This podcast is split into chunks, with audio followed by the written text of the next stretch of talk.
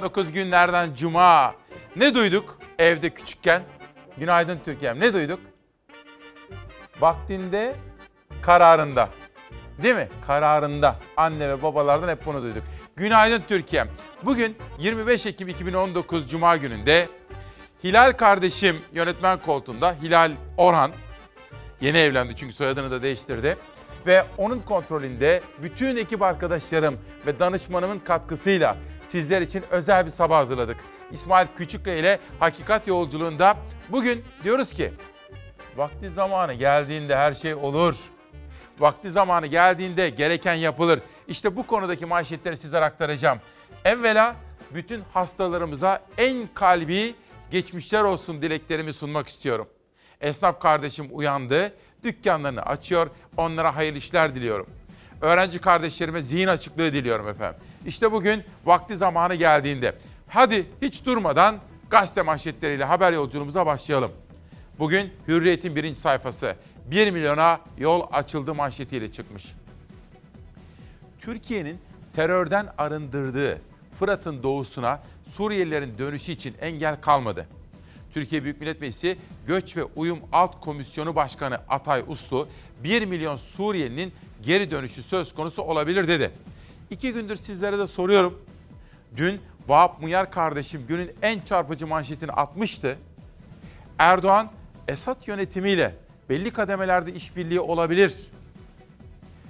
Türkiye-Suriye arasındaki işbirliği zemini en kolay, en isabetli yol olabilir demişti de günün olayı demiştik. İşte ne dersiniz? Suriyeliler Türkiye'den yeniden kendi vatanlarına, ülkelerine dönerler mi?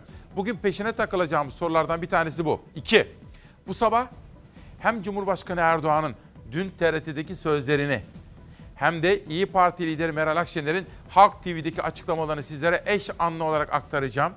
Bunun dışında CHP'den MHP'ye, HDP'ye kadar bütün partilerle ilgili haberleri de aktaracağım. Ayrıca Disk dün insan onuruna yaraşır bir hayat için sesini yükseltmek istedi. O sesi kimileri duymadı. Biz onlara da duyuracağız. Yani bugün emekli, mesela Rahmi Turan emeklinin hali perişan diye bir yazı kalem almış. Emekli, köylü, üretici, esnaf, EYT'liler hepinizle ilgili haberleri hazırladım efendim. Bir manşet daha gelsin. Hürriyet gazetesinde bugün iki haber var. Dikkatimi çekti. O mektubu yanımızda götüreceğiz diyor. Hani ABD Başkanı küstah bir mektup yazmıştı. Hem Türkiye Cumhuriyeti'nin Cumhurbaşkanı'na dolayısıyla hepimize, ben dahil hepimize hakaretamiz ifadeler vardı orada. O mektubun yanıtı verilemedi diye çok üzülmüştük. İçimizde uhde demiştik hatırlıyor musunuz? Benim içimde uhde. Dün TRT'deki programda Cumhurbaşkanı Erdoğan'a bu da soruldu. Biz dedi 13 Kasım'da ABD Başkanı'nın davetiyle Washington'a gideceğiz. O davete icabet edeceğiz dedi. Ve Trump'la ilgili olumlu düşüncelerini de aktardı. Trump'ın kendisine karşı dürüst olduğunu ifade etti Sayın Cumhurbaşkanı. Ve o mektubu da yanımızda götüreceğiz dedi. Saatler 7.19'a geldi. Bugün dün dikkatinizi çektiğim önemli bir husus daha vardı efendim. Biz dost bildiğimiz, stratejik ortak bellediğimiz Amerika'dan, Avrupa'dan, Rusya'dan, dünyanın pek çok ülkesinden dostluğa ve stratejik akla uygun adımlar beklediğimizi ifade etmiştik. Neden? Dün bizim başına 4 milyon lira ödül koyduğumuz bir terörist, kod adı Mazlum Kobani. Vay vay vay, adamı paylaşamıyorlar Türkiye'm. ABD Başkanı Trump, Rusya lideri Putin ve onun adamları. Bakınız sosyal medya paylaşımlarıyla bu önemli konunun da bugün perde arkasına gireceğiz. Mazlum Kobani konusu. Çok önemli bir konu. Cumhurbaşkanı Erdoğan, Erdoğan'la Trump arasındaki görüşmeler, ilişkiler, bütün bunları sizlere aktaracağım. Şimdi Mazlum Kobani ile ilgili görüşleri sizlere aktaracağım efendim. Mazlum Kobani, başına 4 milyon lira ödül koyduğumuz bir terörist. Fakat Trump onu arıyor. Seni diyor Beyaz Saray'da ağırlamaktan onur duyacağım diyor bakın. Biz bugün ilerleyen dakikalarda göreceksiniz. Çalar Saat'te al birini, vur ötekini dedik. Al birini Amerika emperyal bir güç, vur ötekine Rusya emperyal bir güç. Sosyal medyada nasıl şekillendi bu gündem ona da bir bakmak istiyorum. Bakın, dün TRT'de konuştu Sayın Cumhurbaşkanı. Mazlum denilen kod adlı kırmızı bültenle aranan terörist. Amerika'nın bu adamı bize teslim etmesi lazım dedi. Yani 13 Kasım'da Trump'la Erdoğan arasındaki görüşmede bu da gündem konularından birisi olacak öyle anlaşılıyor. Geçelim. Trump, General Mazlum ile konuşmamdan büyük keyif aldım. O yaptıklarımızdan dolayı bizi takdir etti. Ben de Kürtlerin yaptıklarını takdir ettim. Belki de Kürtlerin petrol bölgelerine yönelme vakti gelmiştir. Bakar mısınız? Küresel güçler, emperyal güçler adı değişmez, fark etmez. Amerika, Rusya, Çin, Hindistan hep aynı. Kendi ülkelerinin ulusal menfaatlerini düşünürler. Şimdi Kürtlere bir bekçilik rolü bitiyor kendince Trump. Ve sendika.org işte Mazlum Kobani'nin Trump'la yani ABD başkanıyla konuştuğunu ve Rusların da en önemli ismi Şoygu'yla Putin'in talimatıyla görüştüğüne dair haberler de burada yer alıyor efendim. Peki Türkiye hangi tepkiyi gösterdi? Bakalım. Cumhurbaşkanlığı İletişim Başkanı Profesör Fahrettin Altun, teröriste politik figür gibi davranılmasından derin endişe duyuyoruz. İletişim Başkanı Fahrettin Altun'dan Beyaz Saray'ın terörist davetine tepki. Peki ana muhalefet ne diyor? Bütün bu olup bitenlere ana muhalefet CHP'nin yaklaşımlarını da merak ediyorum.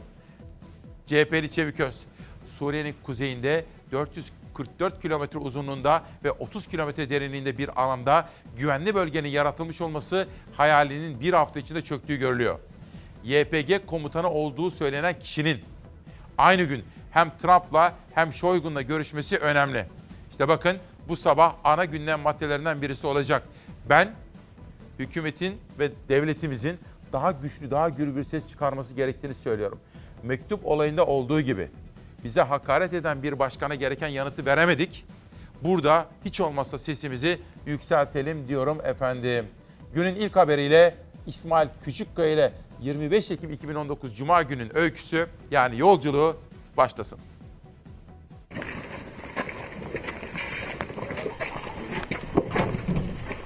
Rusya ile yapılan mütabakatın 3. günü gözler YPG PKK'lı teröristlerin belirlenen bölgelerden çekilip çekilmediğinde Rusya açıklama yaptı. Çekilme başladı dedi. Tıpkı Barış Pınarı Harekatı bölgesinde olduğu gibi Milli Savunma Bakanlığı izliyor çekilmeyi. Burası da mutabakat kapsamındaki Aynel Arap bölgesi yaklaşık 7 yıldır teröristlerin kontrolü altındaydı ve çekilme başladı. Artık bölgede rejim askerleri nöbet tutuyor, rejim bayrakları dalgalanıyor. Milli Savunma Bakanı Hulusi Akar verdiği röportajda rejim güçleriyle sıcak temas yaşanmaması gerektiğini vurguladı. Bunun için de Rusya'yı işaret etti. Harekat alanı dışında herhangi bir operasyon ihtiyacımız bulunmuyor. Suriye ile sıcak temas olmaması lazım. Böyle bir sorun olmaz. Rusya da bu konuda elinden geleni yapar. Suriye ordusu bölgede ama terör örgütüne ait bez parçası hala kaldırılmadı. Amerika'nın tüm teröristler çekildiği dediği Rasulayn ve Tel Abyad'dan peş peşe saldırı haberleri geldi. Yani teröristlerin sınırımızdaki varlığı devam ediyor. Milli Savunma Bakanlığı'nın açıklamasına göre Rasulayn'da drone, havan topu ve hafif makineli silahlarla saldırdı teröristler. 5 askerimiz yaralandı. Tel Abyad'da da bomba yüklü araçla Suriye Milli Ordusu karargahına saldırı düzenlendi. 4 yaralı var.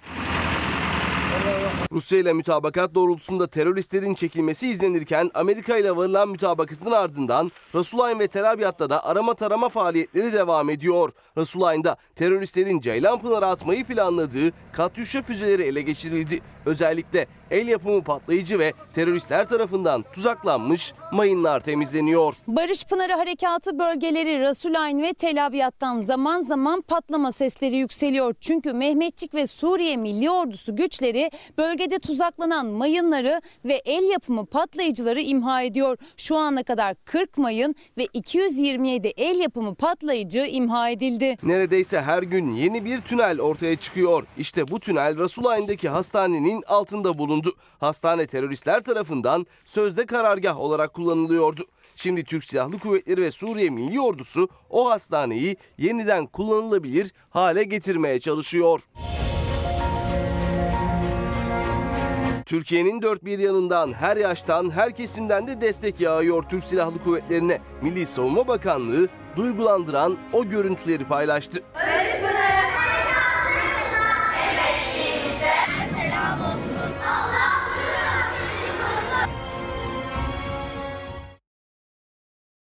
Bugün işte yepyeni bir gün ve gündemle birlikteyiz. Vakti zamanı geldiğinde, bugün vakti zamanı geldiğinde diyeceğiz efendim. Az evvel sizlere ifade etmiştim. Ekonomi, faizler indi fakat vergiler yolda, ağır vergiler geliyor efendim maalesef. Onu gündeme alacağım. Üreticiye dair haberler seçtik, derleyip toparladık sizler için. Af beklentisine ilişkin yargı paketinin ilk bölümü uygulamaya geçti. Adalet Bakanlığı yaptığı açıklamalar var. Beklentilere uygunda haberler var. Ama Mazlum Kobani konusu bakın. Bir teröriste hem Amerika'nın hem de Rusya'nın kucak açması, tırnak içinde nezaket göstermesi bu konuda gündemdeki yerini koruyor. Bir zamanlar bu coğrafyanın meseleleri sivil kıyafetli birileri arasında konuşulurdu. Meselenin askerileşmesi hak, hukuk, özgürlük boyutunu dışarı atar. Jeopolitik ana gündem maddesine dönüşür. O mecrada ise siyaseten devletler devlet olmayan güçlere karşı avantajlıdır. Uluslararası ilişkiler uzmanı Profesör Arıboğan işte bu konuya dikkat çekiyor. Bir teröristin uluslararası ilişkiler bağlamında hem Amerika hem de Rusya tarafından dikkate kale alınmasının yaratacağı komplikasyonlar yani olumsuz sonuçlardan bahsediyor efendim. Bir haber daha gelsin. Herkes kazandı diyorlar ya. Herkes kazandı, YPG kaybetti deniyor. Böyle deniyor ama Trump'ın general mazlumunun keyfine diyecek yok. Kazansa bu kadar sevinemezdi. Washington ve Moskova'da el üstünde tutuluyor. Anlaşma ortakları Türkiye'ye kazık mı atıyor yoksa? Akif peki haklı olarak bu soruyu ve endişesini, kuşkusunu dile getiriyor efendim. Uyananlara şöyle bir bakalım. Muharrem Bey uyanmış. Abi diyor günaydın. Hani bugün cuma neden kravat taktın diye soruyor. Arzu Idın, günaydın İsmail Bey. Vakti zamanı geldiğinde gerekenler yapılacak. Valla güzel kardeşim günaydın. Normalde ben bugün kravatsızdım da. Fakat dün şekillenen bir olay vardı. Üzerinde çalışmıştım. Sizlere de selamını söylemiştim. Çok önemli bir konuk. Bu sabah demokrasi meydanına katılacağı için ben de son anda kıyafetlerimi değiştirdim. Normal düzene geçmiş oldum. Onun için böyle bir şey oldu. Hürriyet 1 milyona yol açıldı manşetiyle çıktı ve Erdoğan'ın Trump'ın o mektubuna yanıtımızı biz mektubu yanımızda götürerek vereceğiz şeklindeki sözleri birinci sayfada. Geçelim karara. İmzaların mürekkebi kurumadan Beştepe ve Soçi'de Ankara ile masa kuran ABD ve Rusya hiç vakit geçirmeden terör örgütüyle dirsek temasını da siyasi figür seviyesine taşıdı. Amerikalı senatörler Trump'ın teşekkür ettiği YPG elebaşını kongrede ağırlamak için kolları sıvadı. Rus Savunma Bakanı ise canlı bağlantı yaptı. Kiminle? Mazlum Kobani ile yani teröristle. İki küresel başkentin birbirleriyle paralel politikalar izlediklerini de ortaya koyan tablo atılan imzalar ve verilen sözlerle ilgili kuşkulara yol açtı. Bir soru soracağım size. Sizce ya ben öyle düşünüyorum da acaba siz de benimle aynı fikirde misiniz? Amerika ile Rusya anlaşıyor mu acaba? Olabilir mi? Bence öyle. Anlaşıyorlar onlar. Perde arkasında, el altından anlaşma yapıyorlar. Paylaşımlarını yapıyorlar. Sen buraya git, ben buraya geçeyim. Petrolü ben alayım, Akdeniz'e sen açıl. Türkler e, şuraya kadar gitsinler. Böyle bir anlaşma olabilir. Bilgiye değil, sezgiye ve okumaya dayalı bir yorum yapıyorum. İhtiyatlı yaklaşın ama sizler de lütfen kahvelerde, çorba salonlarında, dinlenme tesislerinde, evinizde, iş yerinizde bunu düşünün efendim. Amerika ile Rusya iki emperyal güç anlaşmış ve anlaşmakta olabilir mi? Diyor ve sonraki gazeteye geçiyorum. Hürriyet ve karardan sonra sıra geldi Sözcü gazetesine. Cumhurbaşkanı yargı reformunu onayladı sıra uygulamada. İkinci yargı paketi de geliyor. Efendim bakın bu bütün bu kargaşanın içerisinde bence iyi bir gelişme. Bunun da hakkını vermemiz gerekiyor. En azından siyasal iktidarın ve özellikle de Adalet Bakanlığı'nın yargı reformuna ihtiyaç duyması ve bunu birinci paket, ikinci paket böyle gündeme taşımasını önemli sayıyorum. Küçümseyenler var, küçümsenecek bir şey değil. Ha daha iyi olabilir mi? Olsun. Mücadelemizi sürdürelim. Daha fazla demokrasi, daha fazla adalet, yargı reformu. Ama bu konunun gündeme gelmesini çok önemli saydığımı ifade etmek isterim. Buna değineceğim. Bu arada bugün Cumhuriyet Gazetesi'nde de göreceksiniz. Dün HSK'da iki önemli değişiklik yaşandı. Ve güya Pelikan grubuna yakın oldukları belirtilen bazı isimlerle yollar ayrıldı ve Adalet Bakanı bir süredir başta FETÖ'yle mücadele olmak üzere bazı konularda kararlılıklarını tekrar ediyordu. Dün kendi damgasını vurdu diyebiliriz HSK'ya. Ne olduğunu, nasıl olduğunu ilerleyen dakikalarda sizlere anlatacağım. Sözcüyü de şimdilik bir tarafa bırakalım. Sıradaki gazete Cumhuriyet. Ona geçelim. Pelikan'da yeni perde. HSK'daki İstanbul grubuna tasfiye. Adliye koridorlarını dikkatle yakından takip eden bir isim. Adı Alican Uludağ. O haber yazmış. Okuyalım.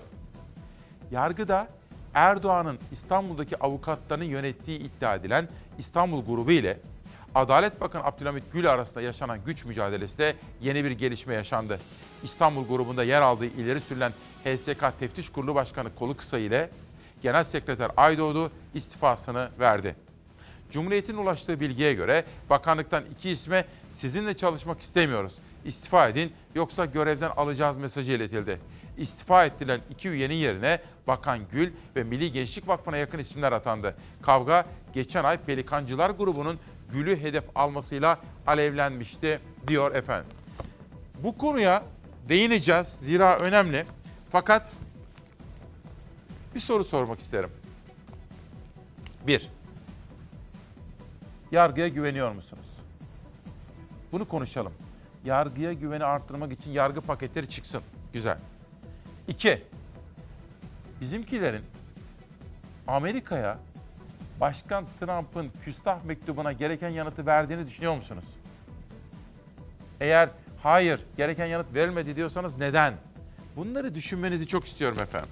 Dün TRT'deki programda Cumhurbaşkanı Erdoğan bu konudaki bir soruyu yanıtlarken o mektubu yanımıza götüreceğiz dedi.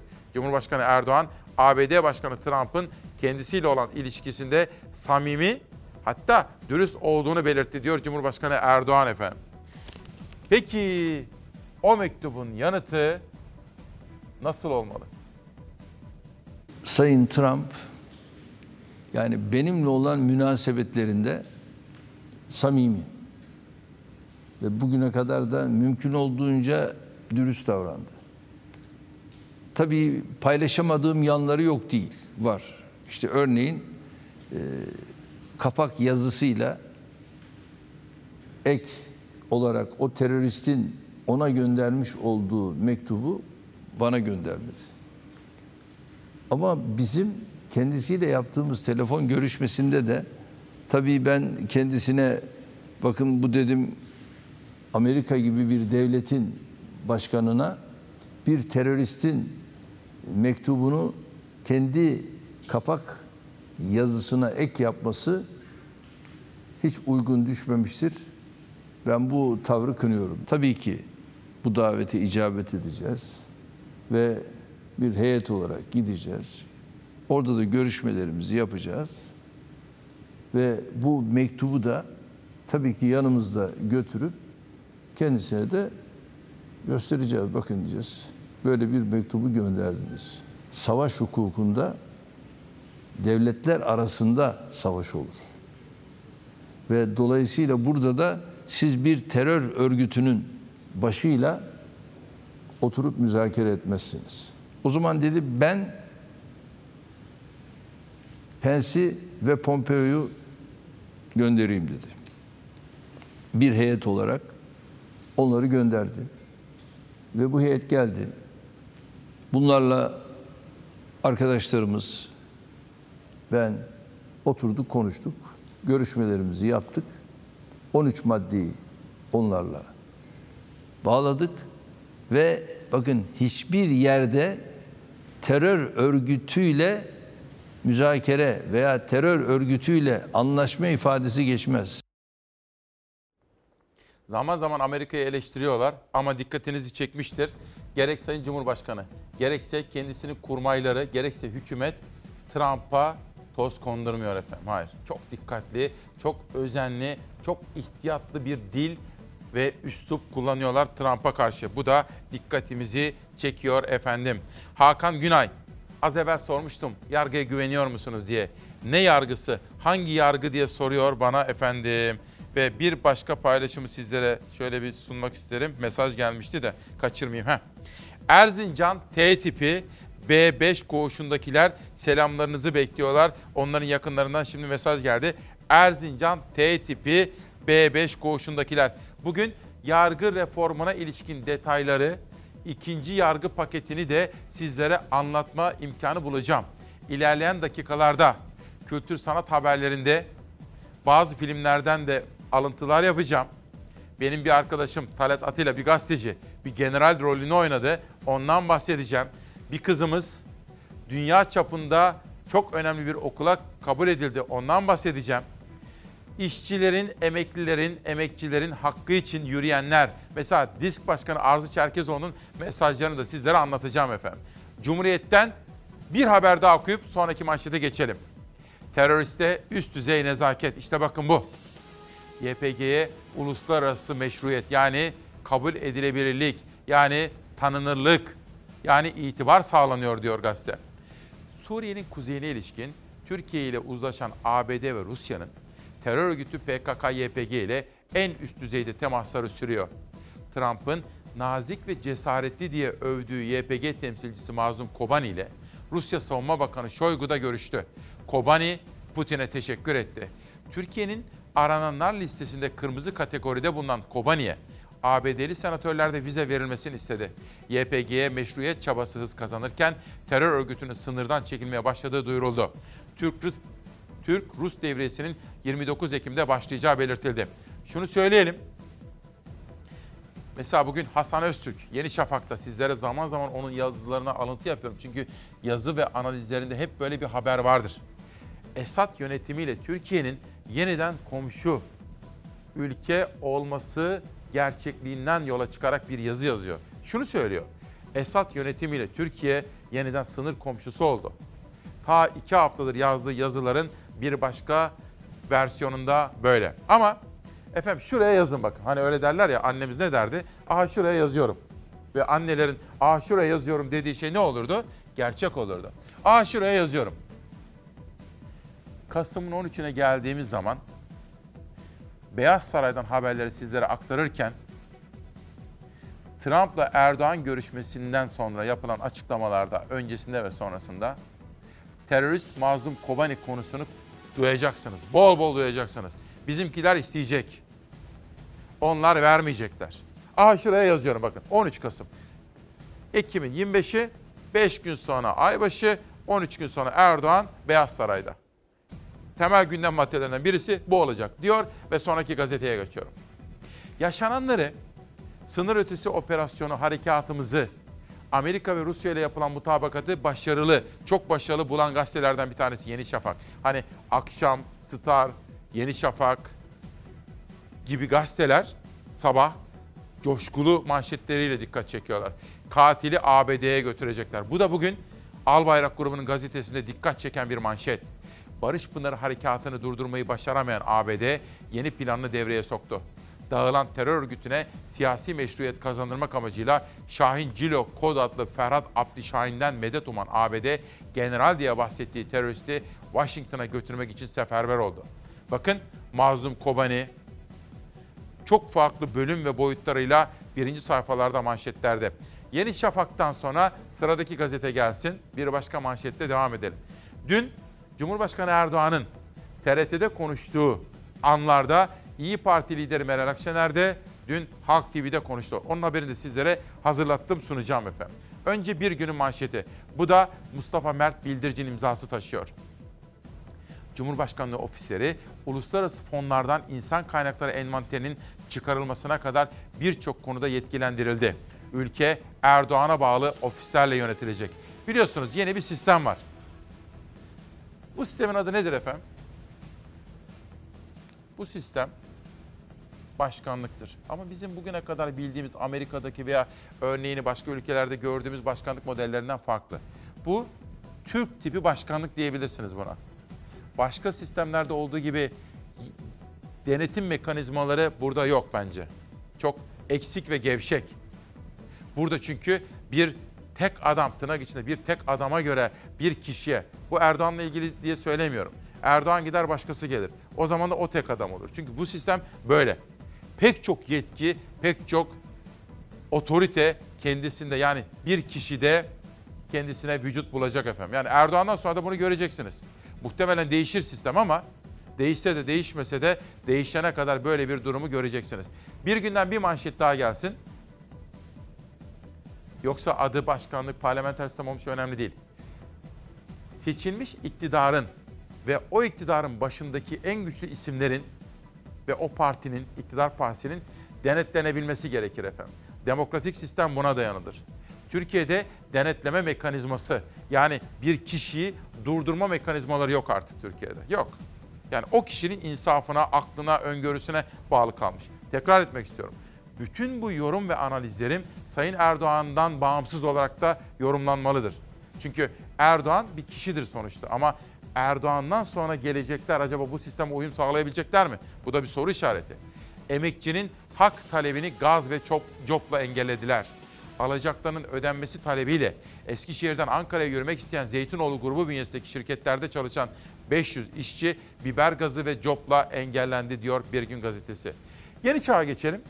Yeni Çağ Gazetesi'nde Meral Akşener'e dair bir haber, bir manşet, bir detay var efendim. Türk Günü'ne de döneceğim ama önce heh, masadan zaferle kalkamadık. Cumhurbaşkanı Erdoğan'ın TRT'de konuştuğu dakikalarda İyi Parti lideri Meral Akşener, o da Halk TV'de soruları yanıtlıyordu. İyi Parti lideri Akşener, Halk TV'de katıldığı İşin Aslı programında gündeme ilişkin çarpıcı açıklamalarda bulundu. Suriye'de herkes kazandı görünüyor da biz ne kazandık biz diye soran Akşener, Barış Pınar Harekatı'nı geç kalmış bir adım olarak görüyorum. Mehmetçik görevini yaptı. Mehmetçik görevini yaptı ve masaya oturduk. Ama elimizde ne yapacağımızı bilemediğimiz 4,5 milyon sığınmacımız var ifadelerini kullandı. Ben bugün manşetimizi Erdoğan'dan seçtim efendim. Vakti zamanı geldiğinde dün bir konuşma yaptı Erdoğan. Ben de canlı canlı izledim. Konuşmasının bir yerinde biz dedi burada dedi 4 milyon var 4 milyon Suriyeli için. Siz dedi 50 tane 100 tane Suriyeliyi alırken kıyameti koparıyorsunuz, korkuyorsunuz. Kapıları açı veririm dedi. Vakti zamanı geldiğinde ben de manşeti oradan seçtim. Güzel etiket olur diye düşündüm efendim. Az evvel Sayın Erdoğan'ın sözlerini sizlere dinletmiştim. Sıra Sayın Akşener'in dün akşamki açıklamalarında. Liderler birbirini sever, sayar, dostluk eder ama günün sonunda Trump'ın yazdığı mektubun çirkinliği bugüne kadar olmuş mudur? Tarihte örneği yok. Yok. Bundan sonra olur mu? Olabilir. Evet. Bundan sonra Şimdi olabilir. dolayısıyla bu yani e, amiyane bir tabirle siz dostluk adı altında enseye tokat bir ilişki biçimi kuramazsınız devletiniz adına, milletiniz adına. Ve e, yani dış politikada bizim bu saydığım konular sebebiyle e, bipolar bir e, ilişki biçimi ve bir e, ya hastalıklı bir ruh hali oluştu. Ve günün sonunda biz ne kazandık sorusuna baktığınız zaman e, biz en azından e, şimdilik e, YPG'nin yani YPG eşittir PKK e, resmi bir devlet olma halinin önüne geçtik. Ama hep onunla ilgili yani o da Barış Pınarı Harekatı ile ilgili Evet. olarak Mehmetçin canı e, pahasına. Şimdilik en azından e, erteledik, öteledik. Katılıyorum ben e, sizin görüşünüze. Şimdi nasıl bir şeydir ben bunu anlamakta zorlanıyorum. E, Trump'ın yazdığı mektuba cevap vermek ihtiyacı hissedilmemesi. Sayın Erdoğan kim? Sayın Erdoğan Trump'ın arkadaşı olabilir. Ama Sayın Erdoğan Türkiye Cumhuriyeti Devleti'nin Başkanı. ve milletinin cumhurbaşkanı. Onun şahsında tokatı yiyen, hakarete uğrayan bizleriz. Buna mutlaka çok sert, o kalı, derli toplu bir cevap verilmeliydi. Bu sektirildi. Şimdi masaya oturuldu. Tamam, oturdunuz. Yani oturduğunuz şahıs sizin denginiz mi? Bir, ciddiyetsizlik. İki, e, yani bu ciddiyetsizliğin getirdiği bir sululuk ve cıvıklıkla dış politika yürümüyor. Ve hiç kimse görevini yerine getirmiyor. Bu Barış Pınarı harekatında bu kadar haklıyken biz nasıl olur da yurt dışında böyle Ama peki bir ruh şunun da haliyle karşı şey karşıya kalabiliriz? Şimdi bunlar Erdoğan ve Akşener'in birer manşetiydi. İkinci manşetleri de seçtik. Dün akşamki yayını tek tek arkadaşlarımla birlikte izledik ve ikinci manşetleri de seçtik efendim. Sizlere onu anlatacağım. Bu arada DEİK'ten önemli bir açıklama geldi. Yaşananların ne olduğunu, nasıl anlaşılması gerektiğini belirtiyor. Mehmet Ali Yalçın da başkanlığını yaptığı değil. Yani Amerika ile Türkiye arasındaki işbirliğini artırmaya gayret edenler. Burası bir dursun. Gazeteleri bir tamamlamak istiyorum. Bir günde bir haber daha var. Sizlerle paylaşmak istediğim. Hükümet vergiye doyamadı. Bakın işte bu. Gerçek şu. Ekonomide işler iyi gitmiyor. Ha güzel gelişme şu. Merkez Bankası faizleri indirdi. Bugün ekonomi sayfalarında buna ilişkin coşkulu manşetler göreceğiz. Güzel. Yani makro dengelere ilişkin önemli bir gelişme bu. Fakat benim sahada gördüğüm, iş dünyasıyla konuştuğum zaman, esnafı ziyaret ettiğim zaman küçük ve orta boy işletmeler durumdan memnun değiller. Yani faiz indirimi güzel. Bütün makro dengelere etkisini göstersin inşallah diyelim. Ama nereden anlıyorum bir de bakın vergi üstüne vergi geliyor. Bunu kaçırmanızı istemiyorum. AKP milletvekilleri bazı vergi kanunlarında değişiklik içeren yasa teklifini meclis başkanlığına sundu. Buna göre dijital hizmet, konaklama ve değerli konut adı altında 3 yeni vergi getirilecek. Bakın değerli konut ne olabilir efendim? Yeni bir vergi, değerli konut. Teklife göre gelir vergisi üst dilimi %35'ten %40'a çıkarılıyor. Cumhurbaşkanına döviz hesaplarından elde edilecek faiz gelirlerine uygulanan stopaj oranını bir katına kadar artırma etkisi verildi. Mesela incelediğiniz zaman trafik cezaları ve vergiler, harçlar muazzam artacak. Trafik ceza. Çünkü neden biliyor musunuz? Vergi, bütçe, kasa tam takır. Bak ben size bunu söyleyeyim. Halk tabiriyle tam takır.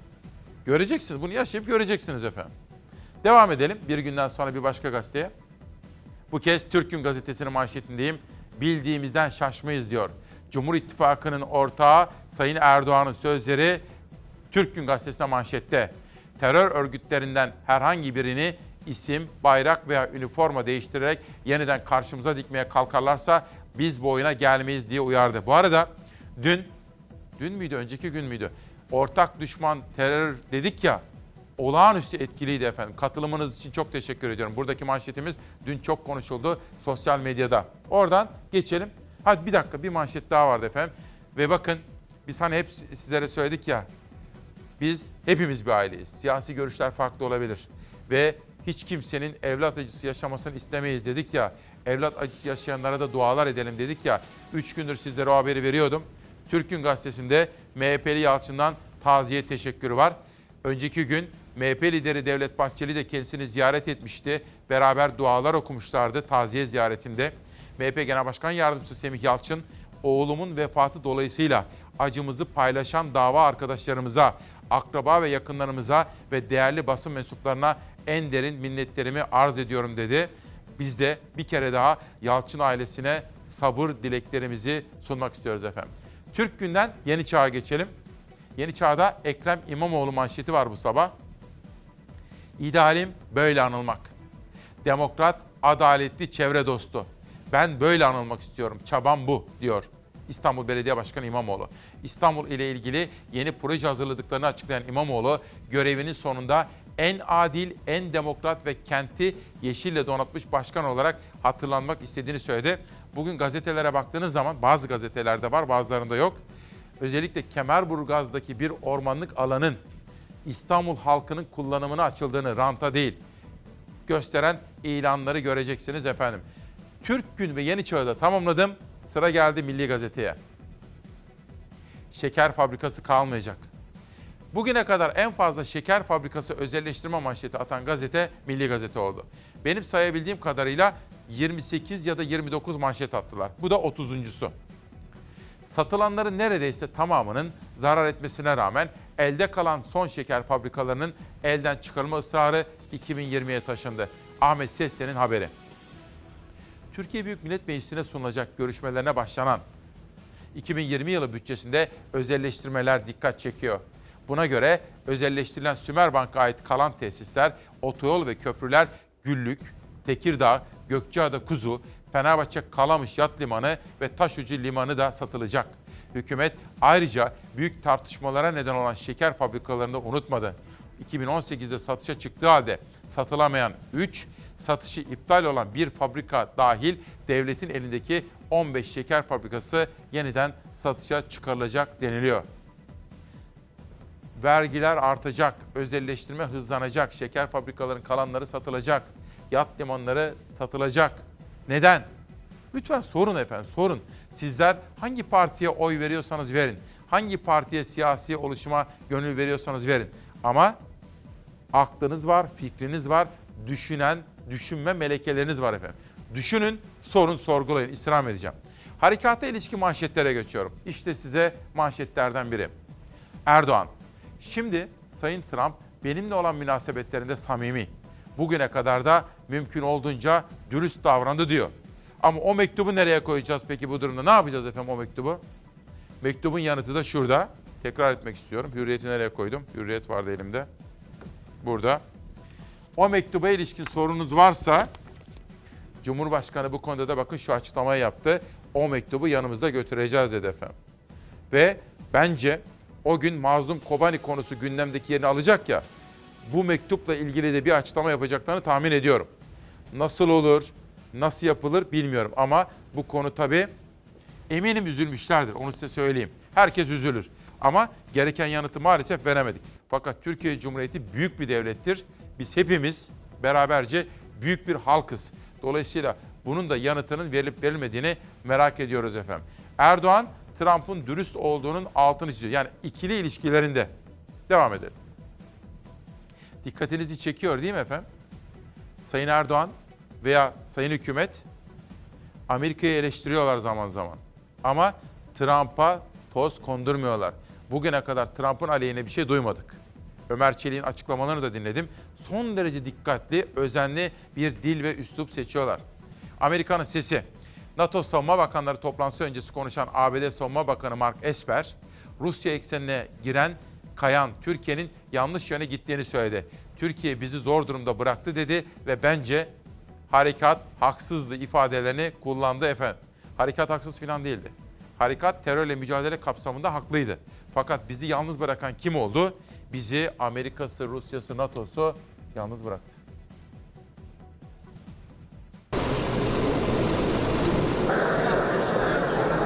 Milli Savunma Bakanı Hulusi Akar NATO Savunma Bakanları toplantısına katıldı. NATO üyesi ülkelerden mevkidaşlarıyla Suriye'yi konuştu. Toplantıya girişte asker selamı verdi. Belçika'nın başkenti Brüksel'deki NATO karargahında kritik toplantı vardı. NATO Genel Sekreteri Stoltenberg başkanlığında üye ülkelerin savunma bakanları bir araya geldi. Milli Savunma Bakanı Hulusi Akar da Brüksel'deydi. İlk olarak Türkiye'nin NATO daimi temsilciliğini ziyaret etti. Akar ziyaretin ardından NATO Savunma Bakanları toplantısının yapılacağı salona geçti. Akar'a ilgi yoğundu. Herkesin tek tek elini sıktı ve gazetecilerin isteği üzerine NATO salonunda asker selamı verdi. Savunma Bakanlarının toplantısında ana gündem maddesi Suriye'ydi. Almanya Savunma Bakanı Suriye'de uluslararası denetime tabi güvenli bölge önerisini dile getirdi. Bazı bakanlar öneriye sıcak baktı ama çoğunluk karar için Birleşmiş Milletler Güvenlik Konseyi'ni işaret etti. Savunma Bakanlarının ilk gün toplantısının ardından bakanlar birlikte aile fotoğrafı çektirdi. Hulusi Akar toplantı sonrasında ikili temaslara geçti. NATO Genel Sekreteri Stoltenberg ve Amerikan Savunma Bakanı Mark Esper'la görüştü. Akar'ın bir diğer ikili teması ise İngiliz Savunma Bakanı Wallace'la oldu. Görüşmede NATO ve ikili ilişkilerin yanı sıra savunma sanayi işbirliği ve güvenlikle ilgili konular ele alındı. NATO bizim için önemli. NATO'da olmak bizim stratejik açıdan vazgeçilmezimiz. Bizim NATO'da olmamız NATO için de yaşamsal. Bunun altını çizelim, hiç unutmayalım. Bizim NATO'da olmamız en doğru hamle ve kararlardan bir tanesi onu söyleyelim. Ümit diyor ki, iyi de İsmail Bey nasıl oluyor diyor. Hani bizimkiler Trump'la ilgili hiç söz söylemiyorlar dedim ya, dikkatli. Hatırlar mısınız geçen haftalarda çok kritik bir gün buraya Mehmet Ali Yalçın daha gelmişti hem Trump'la özel yakın bir ilişkisi vardı hem de Sayın Erdoğan'la görüşüyordu. Ve ülkesi için mekik diplomasi dokun, dokuyordu Yalçın da. Aslında Yalçın da başta olmak üzere bazı arka plan diplomasisi derler bunlar efendim. Yani iki ülke arasındaki ilişkiler gerilse de Erdoğan'la Trump arasında Erdoğan'ın da dün akşam altını çizdiği gibi Mehmet Ali Yalçın'ın da burada vurguladığı gibi bir ilişki var. Yakın güvene dayalı bir ilişki var. O sayede birbirlerine ilişkin dikkatli bir dil kullanıyorlar. Trump'ın mektubu bunun istisnası. Ama o mektuba Ankara gereken yanıtı verdi mi? Vermedi. Bence vermedi. Bu da ortada duruyor ama 13 Kasım'daki gelişmeleri dikkatle izleyelim. Geçelim. Almanya Savunma Bakanı. Bakın burada kim kaybetti? Şimdi burada tabii Amerika kendi çıkarlarını koruyor. Rusya güçlendi. En çok Rusya kazandı. Esad çok güçlendi, o da kazandı. Biz belli kazanımlar elde ettik ama belli risklerimiz koruyor, duruyor. Mesela PYD, YPG gitti ama nereye gitti? Kim kaybetti? Sorayım size bir dakika. Kim kaybetti efendim? Emperyal güçlere sırtını dayayan bazıları kaybetti. Ya da bilgece bir yönetim, akıllı bir liderlik hiç sergileyemeyen, kısmen bile sergileyemeyen Avrupa Birliği kaybetti efendim. Gücünü, değerlerini kaybetti bütün burada. Bakın Almanya Savunma Bakanı Türkiye Suriye topraklarının bir kısmını ilhak etti diyor.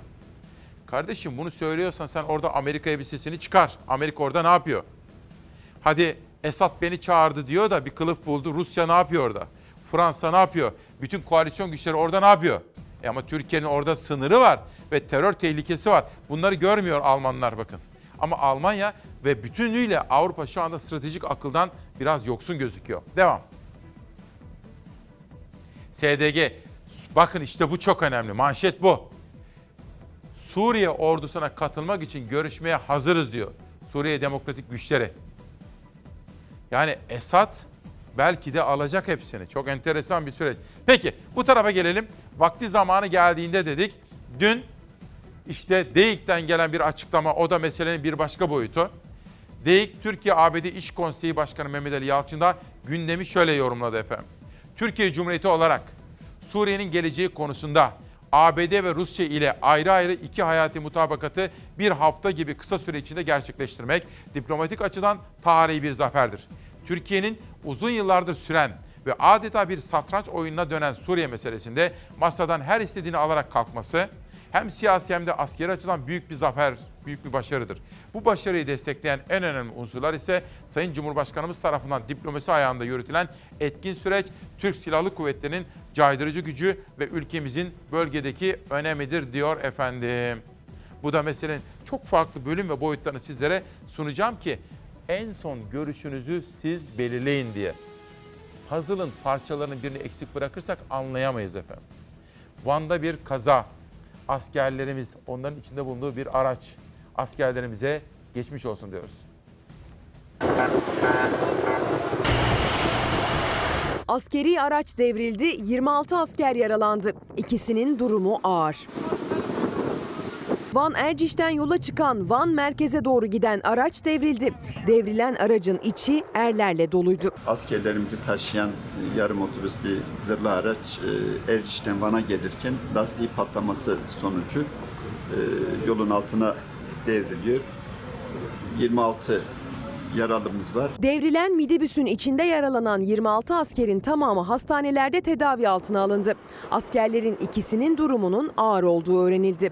Van Büyükşehir Belediye Başkan Vekili askerleri hastanede ziyaret etti. Durumlarıyla ilgili şu an için bir bilgi verme imkanımız yok.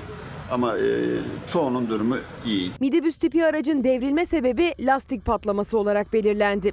Yüksek yoldan şarampole doğru birkaç takla attığı tahmin edilen araçtan neyse ki ölüm haberi gelmedi. Gözler durumu ağır olan iki askerden gelecek iyi haberde. askerlerimize geçmiş olsun diyorum efendim.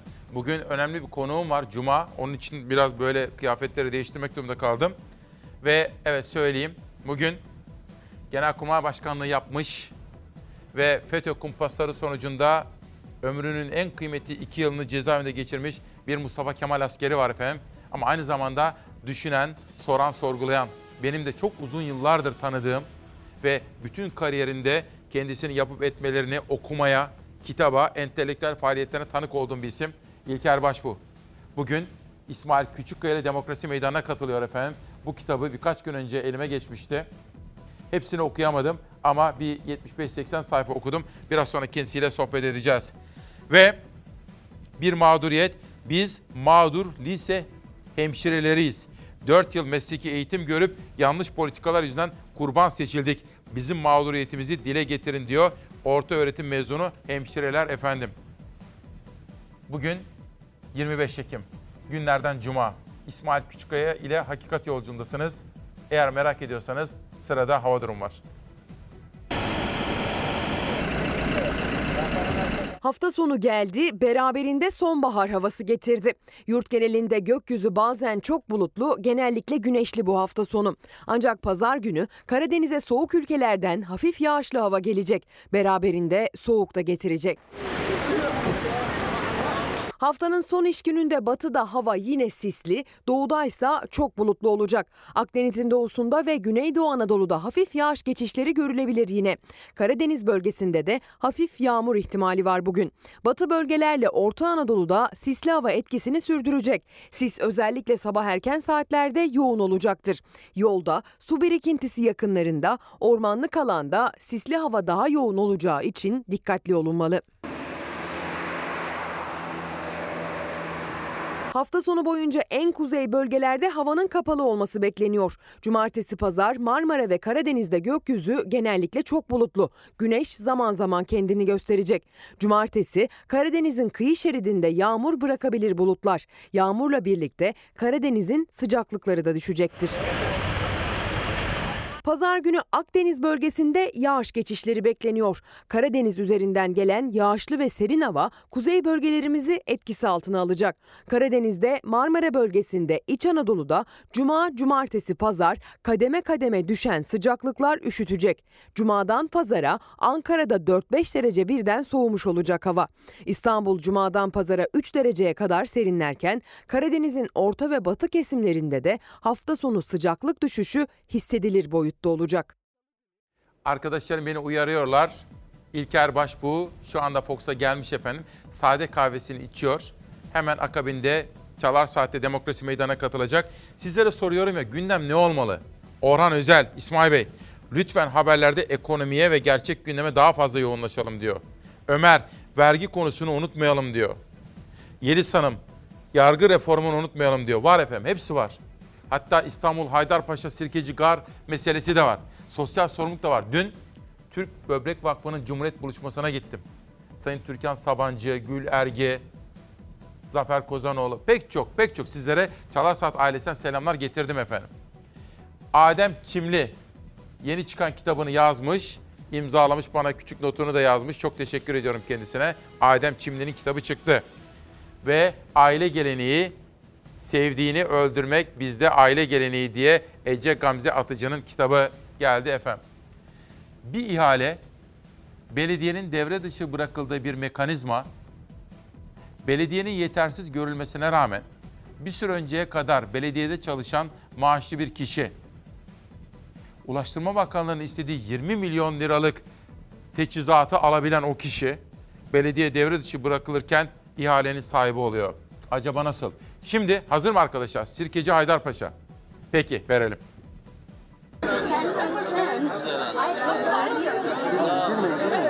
benim dikkate alacağım bir şirket değil. Emeksiz, alın teri olmadan 6 ayda, 1 yılda böyle basamaklar yukarı çıkılmaz. Okçular Vakfı ile Çok bir teşekkür ilginiz ederim. var mıydı? Hüseyin Avni Önder benim ismim.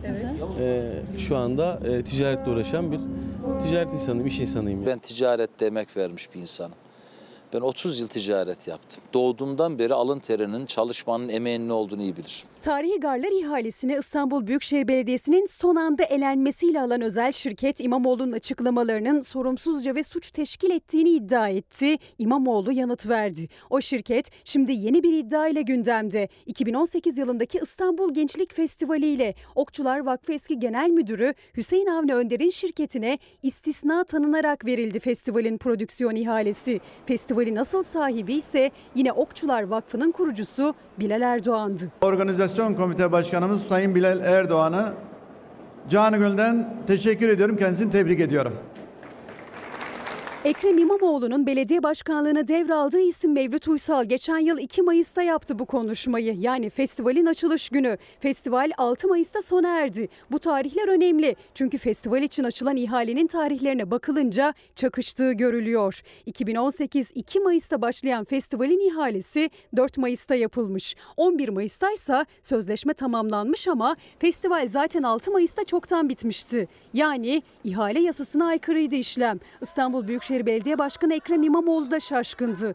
Geçmişteki bu ihalenin şimdi karşısına çıkan şirkete bu şekilde verilmesine. Eğer bir uygulamanın ya da etkinliğin e, sonrasında o etkinlikle ilgili bir ihale yapılmışsa bu tümüyle suç. İhale Önder'e 567 bin liraya verildi. İBB ise ayrıca festivalin ana sponsoru oldu. Bütün destekleyen, bütün paydaş kurumlara, sponsorlara özellikle buranın sahibi olan Büyükşehir Belediye'mize çok teşekkür ediyorum. Tarihi garlar ihalesinin verildiği özel şirket hakkında da suç duyurusunda bulunan Ekrem İmamoğlu bir kez daha yazılı açıklama dışında sessiz kalmayı tercih eden Ulaştırma Bakanı'na seslendi. Hızlı adımları, yapılan bu işlemler, uygulamalar belli ki e, bir birçok şaibeyle dolu. Defalarca Sayın Bakan'ı uyardım. E, ne olur dikkat edin. Bakın şaibeye fırsat vermeyin. Ki garla ilgili motivasyonunuzu hala anlayabilmiş değilim. Emeklinin dramı. Rahmi Turan'ın bugünkü yazısı. Emekli geçinemiyor diye yazıyor. Cumhuriyet'te Emre Kongar. Bizler Suriye ile meşgulken neler neler yaşandı. Bir bilanço çıkarmış bugün Cumhuriyet'teki yazısında. HDP'li belediye başkanlarının görevden alınması, bazılarının tutuklanması ile başlıyor. Ve bütün gelişmeleri sıralamış. Bizler diyor Suriye meselesiyle meşgulken Türkiye'de işte bütün bunlar oldu diyor ve gelişmeleri sıralıyor efendim. Sırada yar- yargı reformuna ilişkin bir haber var. Bugün Sözcü'de de aktardım size. Adalet Bakanlığı ikinci yargı paketi üzerinde de çalışıyor. Onun haberini yapacağız. Yaptık daha doğrusu. Harun Can'dan Yarınsız isimli kitabı elimde. Ve beni de bizzat arayıp davet ettiler. Müsiyat'tan, Müsiyat Kütahya İsmail Tosun'dan bayağı aktif bir döneme girdiler. Özellikle kadına şiddet konusunda ciddi çalışmaları var. Kendilerinin kendilerine teşekkür ettim. Başkan dün aradı konuştuk. Çalar Saat bugün biz ben ekip arkadaşlarım ve danışmanım kafa kafaya verdik. Nazan kardeşimle böyle bir gazete çizdik efendim. Çalar Saat'in 25 Ekim 2019'unda al birini vur ötekine dedik. Bir tarafta Rusya, bizim terör örgütü üyesi dediğimiz Mazlum Kobani kod adlı isim ki başına 4 milyon lira ödül koymuşuz. Yukarıdaki fotoğrafta Rusları görüyorsunuz. FaceTime yapıyorlar efendim. Daha doğrusu işte telefonla görüşme yapıyorlar görüntülü. Hemen altında Amerikalılar. Trump arıyor kendisini. O kadar ki düşünün. Yani vurdum duymazlığı şöyle anlayın efendim. Bir ABD başkanı Türkiye Cumhuriyeti'nin Cumhurbaşkanı'na mektup yazıyor. O mektup küstahça da o mektubun içinde kendisine Kobani'den gelen mektup da var. Erdoğan'a diyor ki Kobani ile konuştum ben. Bak ondan gelen mektubu da sana yolluyorum diyor. Bitfiğini aramızda kalsın diyor. O mektubu da sonra dağıtıyor. Bakın al birini. Bu haberi su- sunabilir miyim arkadaşlar yargı reformundan önce? Hazır mı bu? Hilal. Kobani haberini vermek istiyorum şimdi. Sonra yargı reformuna geçeceğim. Bakın. Diyoruz ki al birini vur ötekine. General Mazlum. Üzülüyoruz. Devasa ülkelerin liderleri bu teröristlerin başlarını yanlarına alıyorlar. Onlarla masaya oturuyorlar. Bunları şımartıyorsunuz.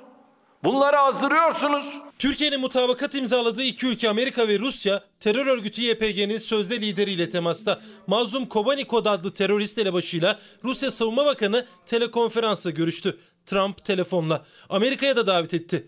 Cumhurbaşkanı Erdoğan sistem etti. Muhalefette tepkili. Cesaretin için teşekkürler General Mazlum. Seni yakın bir zamanda görmeyi sabırsızlıkla bekleyeceğim. Teröristi siz muhatap olarak karşınıza aldığınızda terörle mücadele olur mu? Amerika Birleşik Devletleri ve Rusya Türkiye Cumhuriyeti Cumhurbaşkanı ile YPG terör örgütünün başı mazlumu aynı kefeye koymaktadırlar. Mazlum Kobani Kod adlı Ferhat Abdişahin PKK terör örgütünün sözde liderlerindendi. Bir süredir de terör örgütü PYD'nin başında. Türkiye'nin kırmızı bültenle aradığı teröristlerden.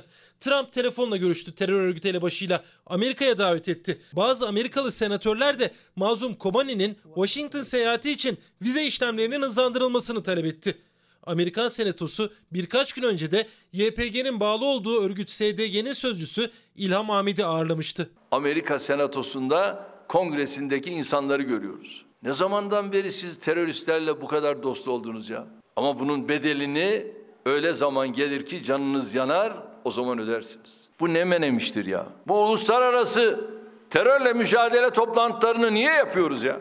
Amerika Devlet Başkanı aynı teşekkür notunda hem Türkiye Cumhurbaşkanı'nın adını hem de Mazlum Kobani'yi bir general olarak eşit düzeydeymiş gibi anabiliyorsa durum vahimdir. Bazı Amerika Birleşik Devletleri yetkilileri ve politikacılarının mazlum olarak bilinen Ferhat Abdişahin'e meşru bir politik figür gibi davranmalarından derin endişe duyuyoruz. İletişim Başkanı Fahrettin Altun da Trump'ın terörist başını Amerika'ya davet etmesi endişe verici açıklaması yaptı. Terör örgütü elebaşına yapılan davet Erdoğan'ın 13 Kasım'daki Washington ziyaretini etkiler mi? Zaman gösterecek. Ama Rusya'da Mazlum Kobani ile temasta. Türkiye yönelik saldırıların sorumlusu Mazlum Kobani Kod adlı teröristle Rusya Savunma Bakanı telekonferans yoluyla görüştü ve bu görüşmede basına servis edildi. Görüşmenin tarihi de dikkat çekici. 22 Ekim yani Erdoğan'ın Soçi'de Putin'le mutabakat imzaladığı gün. Bakın bu kişi Türkiye'de yargılanmış hakkında tutuklama kararı olan kırmızı bültenle aranan birisidir. Amerika Birleşik Devletleri'nin veya Avrupa ülkelerinin bir NATO müttefikinin terör örgütü mensubu olarak görüp kırmızı bültenle arattığı bir kişiyi meşru bir aktör muamelesi yapması kabul edilemez. Terörist başıyla Rusya'da görüştü ama iktidarın hedefinde sadece Trump var. Tuna Hanım diyor ki her fırsatta kadın meselesini önemsiyorsunuz doğru ama AKP milletvekili Mustafa Savaş Aydın'ın Mustafa Savaş'ın Aydın Büyükşehir Belediye Başkanı Özlem Çerçioğlu'nu bir etkinlikte ittirmesinden de bahsedin lütfen diyor Tuna Hanım. Nuray Başaran da bana bunu videosunu yollamış ama sabahın o telaşı içerisinde henüz tam izleyemedim. Sizlere söz veriyorum araştıracağım ve ilgili taraflarla da konuşacağım. Gerçekten bir kadını böyle ittiler mi bir belediye başkanını bilmiyorum. Videoları da izleyemedim ama izleyenlerim bilgilendiriyorlar. Ben daha sonra takip edeceğim. Bugün de Savaş Yıldız'la birlikte seçtiğimiz yerel medyada bakın. Gül, vatandaşımızın yargıya güveni artacak diyor. Bu çabaların desteklenmesi gerekiyor efendim. Türkiye'nin çünkü hukuka üstünlüğünün yeniden tesis edilmesi gerekiyor tam olarak.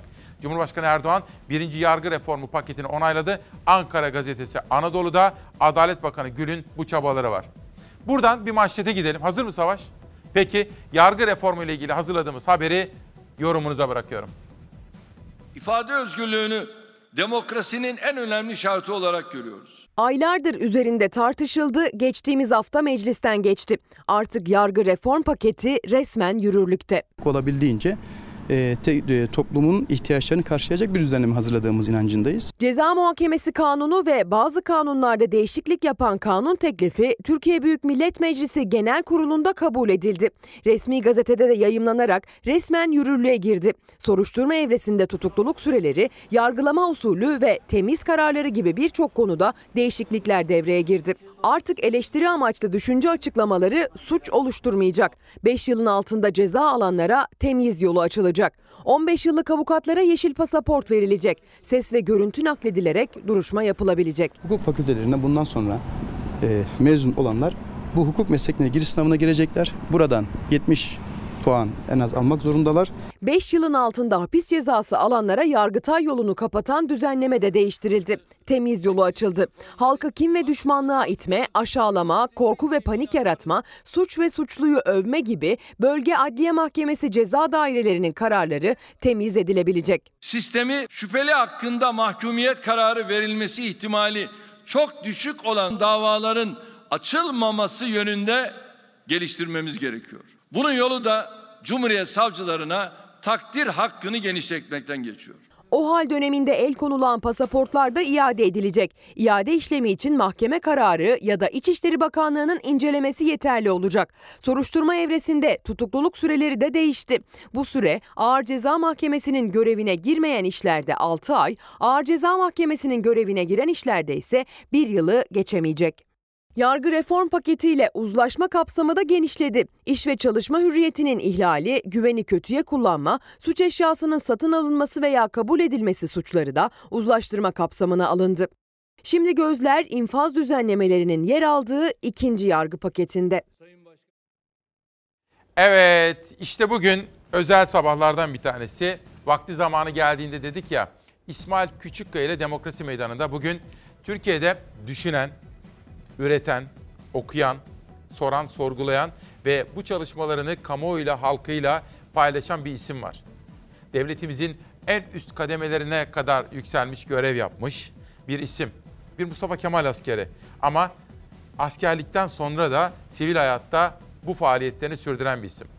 Askerlik görevinden hemen sonra FETÖ tarafından bir kumpas sonucunda cezaevine düşürülen ömrünün en bereketli iki yılını cezaevinde geçiren bir isim. İlker Başbuğ. Bugün İsmail Küçükkaya ile Demokrasi Meydanı'na geldi. Çünkü efendim kendisini davet ettim. İlker Başbuğ.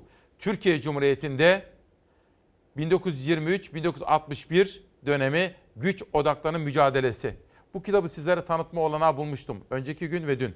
Efendim hoş geldiniz. Teşekkür ederim sevgili Nasılsınız? İsmail. İyiyim sen nasılsın? Sağ olun efendim. Bir şey soracağım. Şimdi sabah hazırlığımı yaparken bizim kuaför arkadaşlarımız var. Halit ve Dilek. Dediler ki onlar da çok heyecanlandılar sizin geleceğinizi duyunca. Dediler ki biz nasıl hitap etmeliyiz kendisine? Yani komutanım mı paşa mı? Ben de sizi tanıdım. Ta öte yıllardan itibaren bunu anlattım. Kendimce anlattım onlara ama izleyenlerimiz de bilsinler efendim. Bir genel kurmay eski başkanına nasıl hitap edilmeli ya da siz nasıl hitap edilmesini bekliyorsunuz? Yani halkımız mesela sokaktasınız falan da. Vallahi hiç e, ne derlerse yeter ki yüreklerinden sevgiyle gelsin. Aha. Hiç önemli değil. Aha. Önemli değil. Yani kimisi komutanım diyor, Aha. kimisi sayın işte genelkurmay başkanım diyor. Ve ben daha çok sayın başbuğ daha hoşuma gidiyor. Sayın Başbuğ değil mi? Daha Evet. böyle medeni Daha ve güzel. daha Evet. yalın geliyor size. Evet. Biz onlara şunu anlattım. Dedim ki biz de Ankara muhabiriyiz, Ankara gazetecileriyiz. Hı hı. Biz o zaman paşam paşam demeye de çok alışmıştık Ankara'da. Fakat siz bunu da sevmiyordunuz. ben görevdeyken e, Evet. ona karşıydım. Sen de biliyorum. hatırlarsın. Evet. Çünkü Genelkurmay Başkanlığı önemli yani Genelkurmay Başkanı önemli bir makam. Yani o makamdaki kişiye e, paşam diye itaat Evet. edilmesini pek e, hoşuma gitmiyordu. Benim Kendilerine anlattım ama bu da bence Ama şimdi paşam ne derseniz Evet. deyin çok önemli değil Şimdi şu an. efendim bu kitabı konuşmak istiyorum. Evet. Şimdi ben sizin bu çabalarınızı ta öteden beri biliyorum. Yakından Hı hı. takip ediyorum. Düşünen, ülkesi için soran, sorgulayan bir isimsiz. Ve Atatürk'le ilgili kaç kitap? Bu kaçıncı kitap? Bu 12. kitap. Maşallah süper. 12. 12 oldu evet. Hatta 13'te yolda bildiğim kadarıyla değil mi? Öyle mi? Evet. O nedir? Aldığım bilmiyorum. izlenim 13 13'te yolda. Ha 13 e, olabilir tabii Olabilir. yani çünkü sevgili İsmail yani bir noktada da eğer yazmaya başlıyorsanız ve yazma da sizin yaşamınızın bir parçası oluyorsa o artık e, ondan vazgeçmeniz veya onu bırakmanız e, biraz zor. Tabii. Artık yazmak, tabii yazmak bir noktada okumak oluyor. Ve aslında kitap yazmanın belki de en önemli özelliği öğreniyorsunuz. Öğrenmenin sınırı ve sonu yok. Sizin efendim bugün gündemi bir yorumlamak istiyorum. Bu kitaba ilişkin sorularım var da lakin sizi bulmuşken şu sıcak gündemi de bir konuşmak istiyorum. Türkiye Cumhuriyeti kritik bir dönemden geçiyor. Amerika ile varılan bir mutabakat, Hı hı. Rusya ile varılan bir mutabakat, sürdürdüğümüz barış harekatları, Barış Pınarı Harekatı, kahraman askerimizin sergilediği olağanüstü üstün bir performans orada. Şu yorumu, gündemi bir yorumlar mısınız bize efendim? Yani bütün bu gelişmeleri siz böyle yaşadığınız yerden baktığınız zaman nasıl yorumluyorsunuz? Evet, e, yani Barış Pınar Harekatı Evet, ile ilgili evet, bir genel evet. bakış Çerçeve veya değerlendirme soruyorsun. E, şöyle yani genel düşüncelerimi, değerlendirmelerimi belki şöyle ifade edebilirim. Şimdi tabii ilk söylememiz gereken husus şu. Türk ordusu Barış Pınar Harekatı'nda siyasi irade tarafından kendisine verilen görevi hakikaten beklenenden de kısa zamanda büyük bir başarı ile tamamladı, yerine getirdi. Evet. Yani bu tabii belki de bu konuda altını çizeceğimiz en önemli konu. Ki o ordu ki bir hatırlayın geçmişte e, büyük güçlüklerle karşı karşıya kalan bir ordudan söz ediyoruz. Nedir? İşte komplolar dönemi. FETÖ'nün Arkasından 15 komploları. Temmuz Fethullah Gülen terör örgütü darbesi. Tabii bu iki olay özellikle komplo esnasında Türk Silahlı Kuvvetleri çok önemli isimlerini, değerli kadrolarını kaybetti.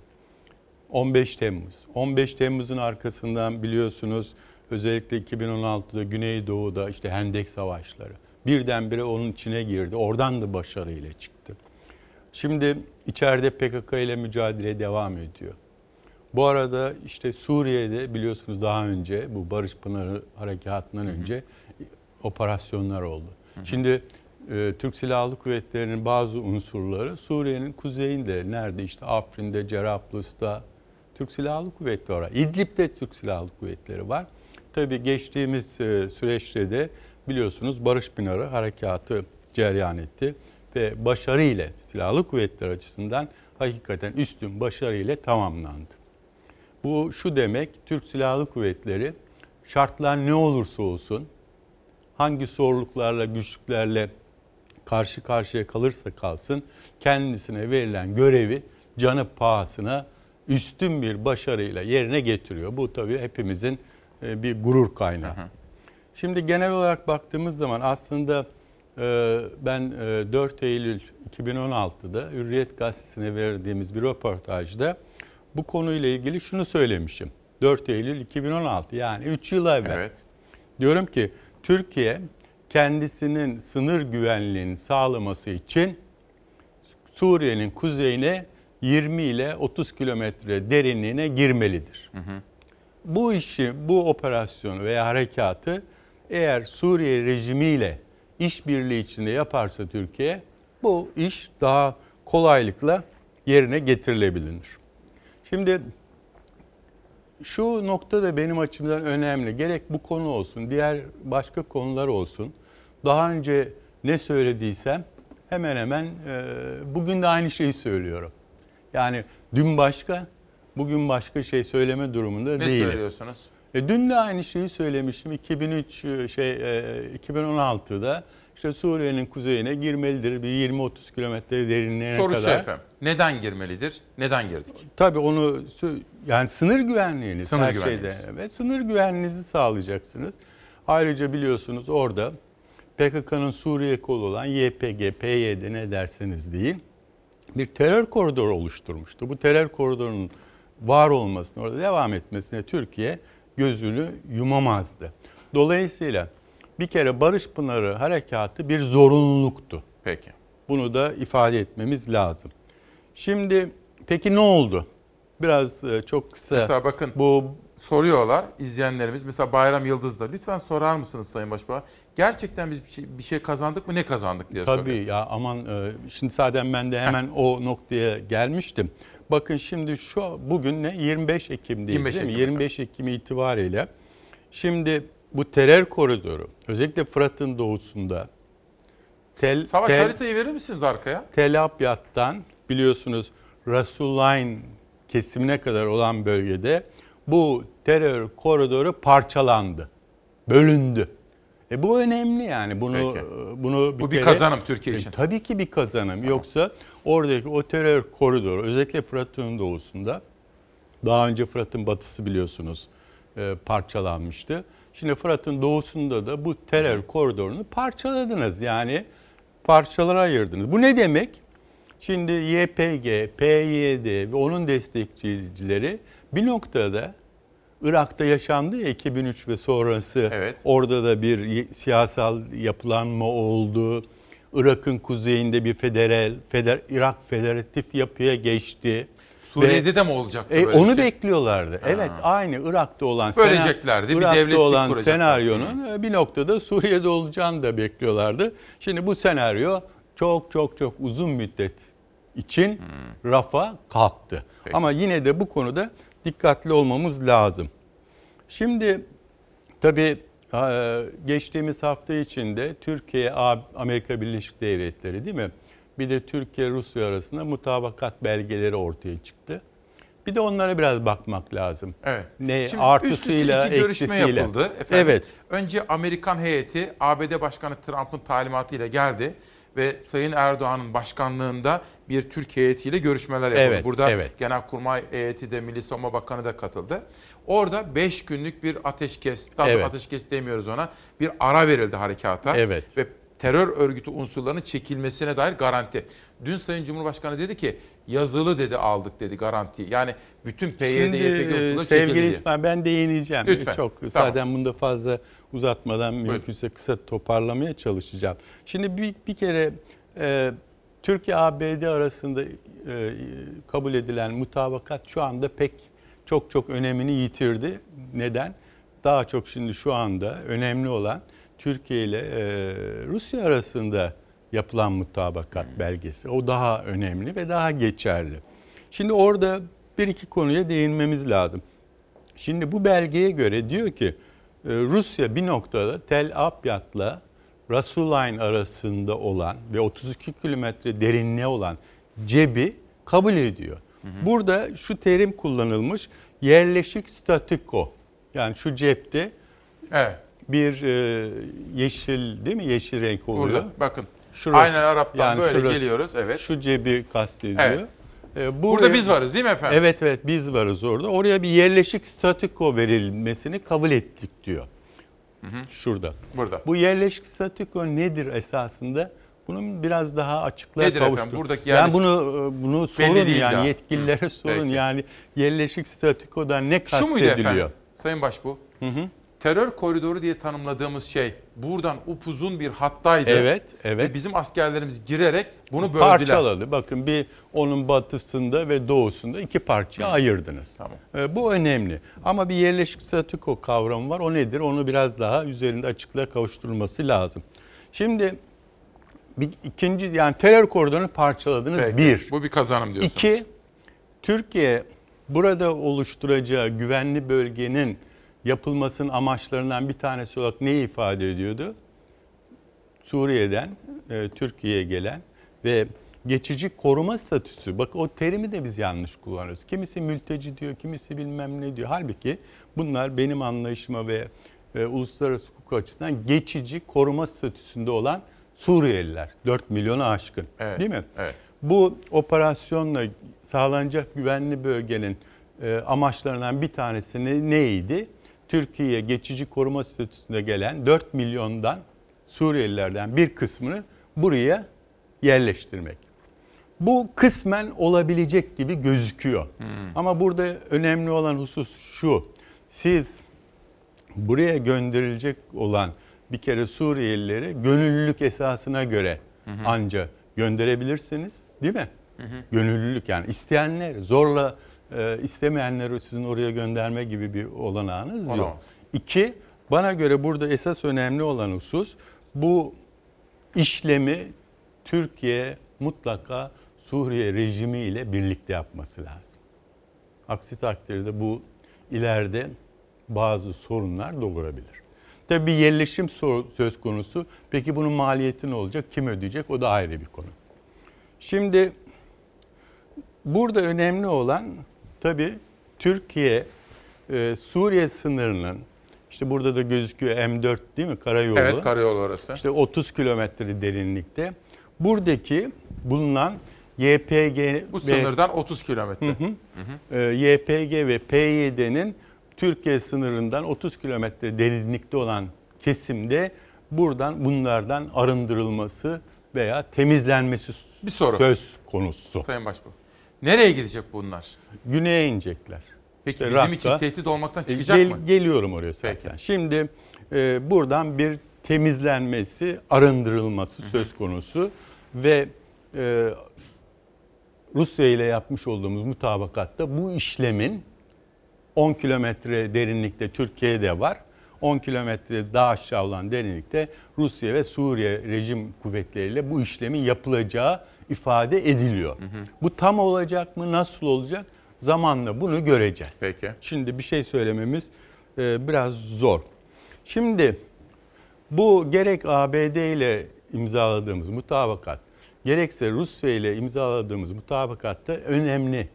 Belki de üzerinde dikkatle durmamız gereken diğer bir nokta ise biliyorsunuz iki mutabakatta da ne Rusya ne Amerika Birleşik Devletleri YPG ve PYD'yi bir terör unsuru, terör örgütü olarak kabul etmediğini Evet, gösteriyor. maalesef. Şimdi bu bu tabii çok önemli. Yani bir Türkiye başlangıçtan beri bu PYD'nin e, terör örgütü olduğu haklı olarak elimizde çok sağlam gerekçeler de olmasına rağmen e, bu mutabakat belgelerinde bu terör örgütü olduğunun karşı taraflar tarafından kabul edilmediğini görüyoruz ki bu tabii ki önemli bir nokta. Bu önemli bir nokta. Şimdi peki buna karşılık ben sorayım. PYD veya YPG'yi terör örgütü olarak kabul eden, bu terör örgütüdür diyen bir devlet var mı? Biz varız. Başka? Yok. Suriye var yapma. Bir de Esad var. Suriye Evet. yani Suriye rejimi Suriye rejimi biliyorsun şeyden evvel bizim Barış Pınarı Harekatı'ndan evvel Birleşmiş Milletler'ine resmen yazarak gönderdiği yazıda, mektupta PYD, YPG'nin tabi öyle söylemiyorlar da ne diyorlar? Suriye Demokratik Güçleri. Suriye Demokratik Güçlerinin esasında asıl omurgasını oluşturan ise PYD, YPG. Neredeyse üçte ikisi. Esad rejimi yani Suriye rejimi Birleşmiş Milletler'e gönderdiği mektupta diyor ki PYD, YPG pardon düzeltiyorum Suriye Demokratik Güçleri bir terör örgütüdür. Arkadaşlar Çok dünkü net. hürriyetin manşetini aktarır mısınız bana? Dünkü hürriyet. Çok Vahap net Munyar. bu. Bu burası çok net. Peki. Şimdi o halde Türkiye bunların e, terör örgütü olduğunu söylüyor. Bizimle beraber Bir aynı Esad kulvarda söylüyor. koşan bir de kim var? Esad. Ee, Suriye rejimi. O zaman? O zaman şu soru hakla geliyor aslında. Sen şu soruyu sorman lazım. Soralım. O zaman biz ne yapacağız? Yok, Dünyada ne yapacaktan ziyade bak şu soruyu sor. Dünyada PYD'yi terör örgütü olarak kabul eden iki ülke varsa, bu ülkelerden biri Türkiye Cumhuriyeti ise, Öbürü öbürü de- Esad ise ne yapılmalıdır? Ne yapılmalıydı? Ne yapılmalıydı? Ha geçmişe dön. Ne yapılmalıydı? Ne yapılmalıydı? Evet. Ha belki o zaman şunu diyebilirsin. Diyebilirsin ki ya biz Barış Pınar Harekatı'nı niye Suriye ile başlangıçtan itibaren işbirliği yaparak yapmadık? Haklı soru mu? Haklı Doğru soru soru da ama arada biz 8 Bak, yılda haklı büyük sor- hatalar yaptık da ondan. Şey, o, bak o bırak o şimdi. Bu Barış Pınar Harekatı'ndan Peki. önceki Haklı seferde. soru. Evet, Esad'la istişare halinde yapmalıydık. Suriye rejimi bunu Barış Pınar Harekatı'ndan evvel bence de maksatlı olarak Birleşmiş Milletler'e gönderdiği mektupla açıkladı. O zaman burada e, şu soruyu sormanız lazım. Ya o zaman niye biz bu Barış Pınar Harekatı'nı Suriye rejimiyle beraber işbirliği yaparak yapmadık? Bu haklı soru, doğru soru. Aslında- Peki Evet. onun arkasında... Paşam, siz aynı zamanda Ama gazeteci gibisiniz, dakika, değil mi? Onun arkasından başka bir soru var. Evet. Başka bir soru var. Nedir? Acaba Türkiye bu Barış Pınarı Harekatı'nı Suriye rejimiyle beraber yapmayı düşünüp Suriye rejimine bu öyle bir teklif götürseydi Amerika Birleşik Devletleri bak bu, bu esas işin şeysi burası. Amerika'nın oyun planı boşa çıkardı. Hayır. Amerika Birleşik Devletleri ve Rusya bu harekatın Türk ordusunun Suriye rejimiyle beraber yapmasını kabul eder miydi? Evet der miydi? Rusya ederdi. Ru- Bence ikisi de etmezdi. Amerika etmez ama Rusya ben ederdi. ikisinin de edeceği kanaatinde Öyle değilim. biliyorsun. Bakın efendim Bak, dün ben ikisinin de Evet. edeceği kanaatinde değilim. İkisinin de buna izin vereceğine kanaatinde ama değilim. önemli olan bizim âli menfaatlerimiz burada neyi gerektiriyor? Ama bak şimdi sevgili İsmail. Eğer e, ABD ve Rusya bunu kabul etseydi ve düşün ki Suriye rejim ordusuyla beraber onlar belki güneyden biz kuzeyden bu harekatı yapsaydık bugün PYD ve YPG'nin toptan ortadan kalkması gibi bir tablo ortaya çıkardı. Doğru. Bunu benim kanaatim ne Rusya kabul eder ne de Amerika Birleşik Devletleri kabul eder. Bir şey soracağım. Çünkü çünkü aslında bugün gelinen nokta itibariyle 25 Ekim günü itibariyle ikisi de bu PYD, YPG ne derseniz deyin veya Suriye Demokratik Güçleri kendi amaçları için kullanmak için ellerinde tutmak istiyorlar. Tamam. Dolayısıyla Bunu soracaktım. Dolayısıyla yani ki emperyal güçler PYD'yi ne olarak kullanıyorlar Ha, diye. işte şimdi e, soru diğer bir soru da o. Evet. E şimdi sen biz kitabı konuşacağız. E Sen Konuşacağız efendim, ben- Suriye konusuyla bütün Ama günde- çok güncel günde- yani, anlamak istiyoruz. Sizi e, bulmuşuz. Ama bakın yani burada önemli o şu. 25 Ekim e, tarihi itibariyle e, geçmişte de aynı şeyi görüyoruz. İki süper devlet, iki büyük devlet var. Zaten Suriye olayının karmaşıklığı, zorluğu burada. Hem Rusya var hem Amerika var. Şimdi e, bakın Barış Pınar Harekatı'ndan kısa bir harek- e, sonra Amerikan Başkanı bu bir YPG'nin başında birisi var. Mazlum Kobani Kobani. Kodadlı E, terörist. Mazlum Kobani'yi diyor ki ben seni en kısa zamanda Washington'da görmek istiyorum diyor. Davet ediyor. diyor ya. E şimdi Amerika böyle. E peki Rus Savunma Bakanı ne yapıyor? Rus Savunma Bakanı da Mazlum Kobani ile Facebook, telekonferans FaceTime yapıyor. evet. Şimdi burada ne var? O halde ikisi de iki güç de bunu kullanmak istiyor. Dolayısıyla bak eğer Suriye rejimiyle Türkiye gitseydi Suriye gel bu harekatı beraber yapalım deseydi bile bunu ben e, Amerika'nın ve Rusya'nın bu işi kabul edeceğine inanmıyorum. Düşüncem bu. Belki de Ha, bakın buraya gidiyoruz bakın dün Vahap Munyar şöyle bir manşet attı. Ben Evet. de dün dedim ki bu manşet bakın en doğru yol en önemli manşet dedim Hürriyet'te. Ne diyor? Şam sorusu var Erdoğan'a Şam'ı sormuşlar. Şam yönetimi tam Evet. sizin altını çizdiğiniz hususlar. Sayın Erdoğan da diyor ki başta Rusya-Suriye münasebetlerinden hareketle kendimiz için bunu daha isabetli yol olarak görüyoruz. Görüşmelerde de bunun süreci daha kolay kılacağını gördük diyor. Yani aslında Esad rejimiyle bir istişare mekanizmadan Yani bahsediyor çok ama geç kaldık. 3 Geç yıl kaldık. kaybettik Evet. vesaire. Ayrı bir konu. Şimdi Barış ama Barış Pınar'ın da bu bence bu iki soru çok kritik soru. Zaten geldiğimiz noktayı da gösteriyor. Ha şimdi e, uluslararası bak kriz grubunun raporu var. Öyle mi? Evet. Uluslararası kriz grubunun raporuna göre bu YPG'nin gücü ne kadar? 60 bin militan diyor. 60 bin. Artı bir de buna polis Ama bizim, var. Bizim güvenlik kaynaklarımız bunu doğrulamıyor. Valla bakın uluslararası 11 bin rakamından ulu- falan bahsediyorlar. Uluslararası kriz grubu Öyle mi? raporu. Peki. 60 bin e, militan, 30 binde polis, 90 bin civarında bir silahlı unsur var. İşte zaten kavga bu. 90 bin. Belki bu biraz çözülmeler oldu vesaire oldu ama yine ciddi bir silahlı güç var. Şimdi Amerika bu gücü nasıl kullanmak istiyor? Acaba Rusya nerede nasıl kullanmak istiyor? Bu konular üzerine biraz kafa yormak lazım. Şimdi diğer bir soru bu özellikle 30 kilometre Haritaya geçelim. 30 kilometrelik derinlikteki YPG, PYD'lerin tümü temizlenecek mi? Silahlar silahtan Buyurun. arındırılacak mı? Sorunu var. Sorusu var. Buralarda değil mi? Buradan, Buralarda buradan varız. tamamen Tamamında. temizlenmesi artı silahtan arındırılması. Bu nasıl olacak? Nasıl kontrol edeceksiniz? Özellikle Amerika Birleşik Devletleri açısından olaya bakarsanız, Evet. yani Amerika Birleşik Devletleri'nin geçmişteki siciline bakarsanız bu konuya pek olumlu cevap vermek zor. Bakın Pentagon'un 2006 2006'da Irak'la ilgili verdiği, silahlarla ilgili verdiği bir rapor var. Yalan. Ne yalan? Yalan çıktı. Orada pek çok Irak'a, Yok, Irak'a yok. ilişkin hayır, hayır. Ben, kimyasal silah. Yok yok bak yanlış bir belki ben yanlış ifade ettim. Pentagon 2006'da Irak Savaşı'ndan sonra Irak'taki silahların, Amerikan silahlarının durumu soruldu Pentagon'a. Evet. Bakın mevzu edilen silah kaç bin PKK'ya tane gitti. biliyor musun? 370 bin tane. PKK'ya gitti. 370 bin tane. Pentagon raporunda ne diyor Ne biliyor diyor? musunuz? Irak'taki 370 bin silahtan sadece 10 bin silah kimin nerede olduğunu biliyoruz. 360 bin kayıp. PKK'da. E işte PKK'da. Yani şimdi dolayısıyla bu silahtan arındırılacak konusu biraz e, zor bir konu.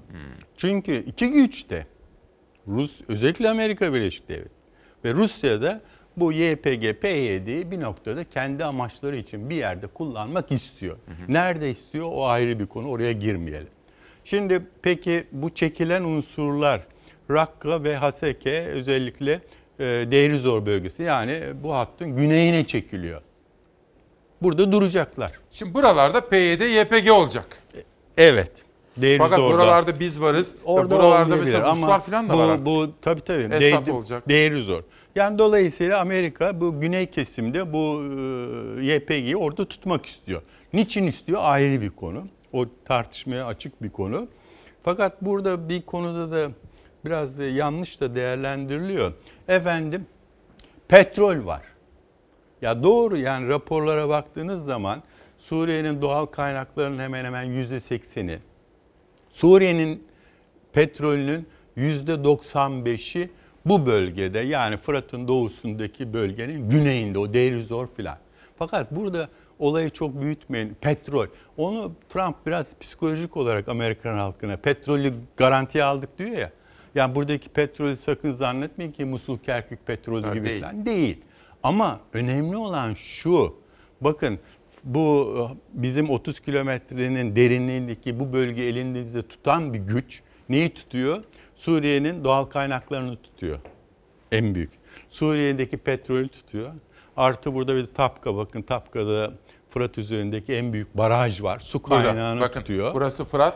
Bütün Evet, tartışma Tap- Fırat'ın bak, doğusu Tapka batısı diye bakın burası. Orada büyük en büyük baraj var.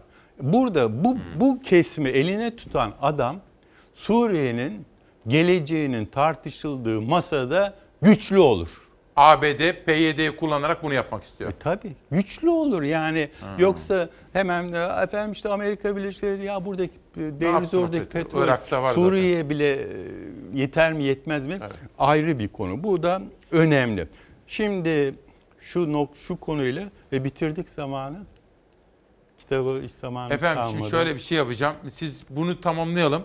Ben e, size ayrıca bir kahve ikram etmek istiyorum. Tamam. Zamanlı vermek istediğim haberler var. Siz kahvenizi içerken onları vereceğim. Tamam. Sizi yine Tamam. çağıracağım bu kitap için. Peki. Bu, bugün böyle yapalım. Peki. Çünkü bu da hayati mesele. Herkes bilsin. Ha, Peki. Şimdi burada esas Suriye olayı tamam burada burası önemli bizim için. Artıları eksileri söyledik. Ama Suriye'deki temel sorun bugün için ve yarının diyelim. Bugün değil de yarının temel sorunu İdlib. İdlib. İdlib. Yani biliyorsunuz Evet. e, İdlib temel sorun. Nedir İdlib? Şimdi orada şimdi İdlib bölgesinin İdlib biliyorsunuz hemen şu gözükülen kesim Halep'in e, Aha. efendim batısında kalan kesim olarak karşımıza çıkıyor. Bakın bu bölge. Burada da biz varız. Varız evet. E, İdlib işte aşağıdaki. Aha. Efendim İdlib'de kim var? Şu anda e, Heyet Tahir El Şam. Bu kim? El-Kaide'nin e, işte türevi olan El Nusra. E peki bu İdlib'in ne kadarını kontrol ediyor şu anda? %80-90'ını. Şimdi İdlib sorunu çözülmeden Suriye krizinin, Suriye sorunun bitmesi söz konusu değil, mümkün değil.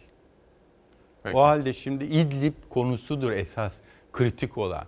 Bir noktada Soçi anlaşması ile biz de şu sorumluluğu da aldık. Biz İdlib'deki bu teröristleri, terör örgütünü temizleyeceğiz dedik. Şimdi burası çok önemli. Peki. Bu sorun nasıl çözülecek? Ee, Türkiye'nin aleyhine olabilecek bir durumlar müthiş bir göç dalgasını Türkiye'ye getirir. Gelenler de terörist, tam azılı terörist gruplar. Peki. Bu Şimdi çok kritik. Bir mola verelim. Peki. Şimdi efendim aslında e, burada ben Sayın Başbuğ yolcu edecektim ama kahvaltı yaptınız mı? Sabah? Yaptım ya. Kahvaltı yaptı. Sade kahve ikram edeceğim. Vermem gereken, zamanlı vermem gereken haberleri sunup kendisini yeniden aranıza getireceğim. Bu kitabı konuşacağız bakın. Tamam. İlker Başbuğ'un Güç Odaklarının Mücadelesi. Bu kitap önemli bir kitap. Ben okumaya da başladım. Böyle 80-85 sayfa okudum. Biraz sonra bu Nasıl buldun? Anlatacağım efendim. Yayında da Aa. anlatacağım. Kolay okunuyor. Çünkü efendim önümüzdeki hafta Cumhuriyet Bayramı İlker Başbuğ'la konuşacağız. Günaydın Türkiye'm, günaydın. 25 Ekim 2019, bugün günlerden cuma. Evvela hastalarımıza geçmişler olsun diyorum.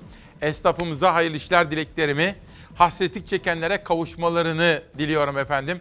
Yurtlarda, huzur evlerinde, cezaevlerinde kalan sizlere de sevgiler, selamlar söylüyorum. İlker Başbuğ bugün Sözcü gazetesinde Aytunç Erkin'in sorularını yanıtlamış.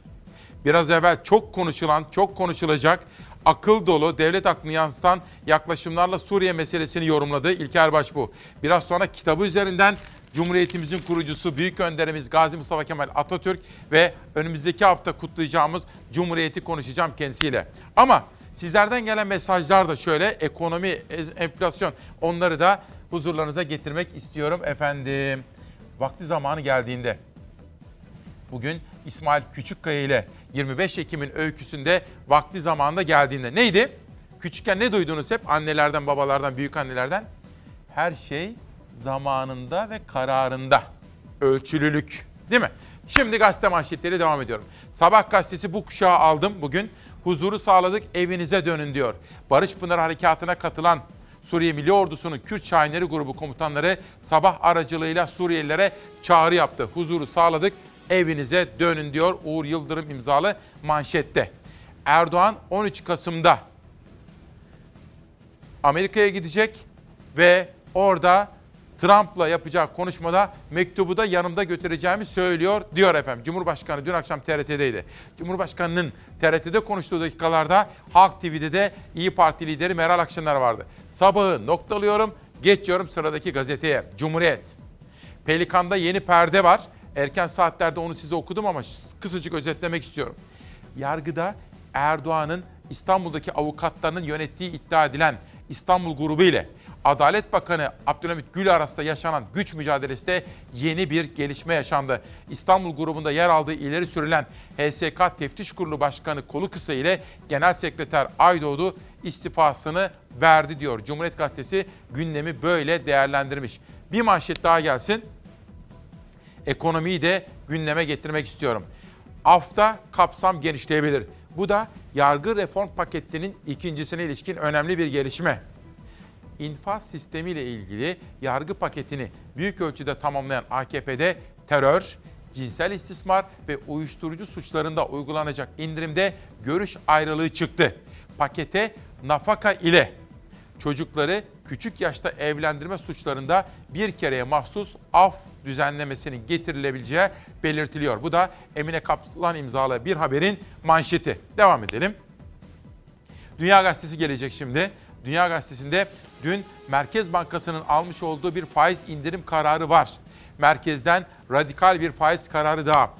Makro dengelerdeki yani enflasyon olsun, döviz piyasaları olsun, faiz olsun bütün bu dengelerdeki cari işlemler açı aklınıza ne gelirse. Bir onlara bakın, size söylenen rakamlara bakın. Bir de çarşıda, pazarda, markette, esnafta yaşadıklarınıza. tek haneliğe geçtiğimiz anda çok daha seri olarak söylüyorum.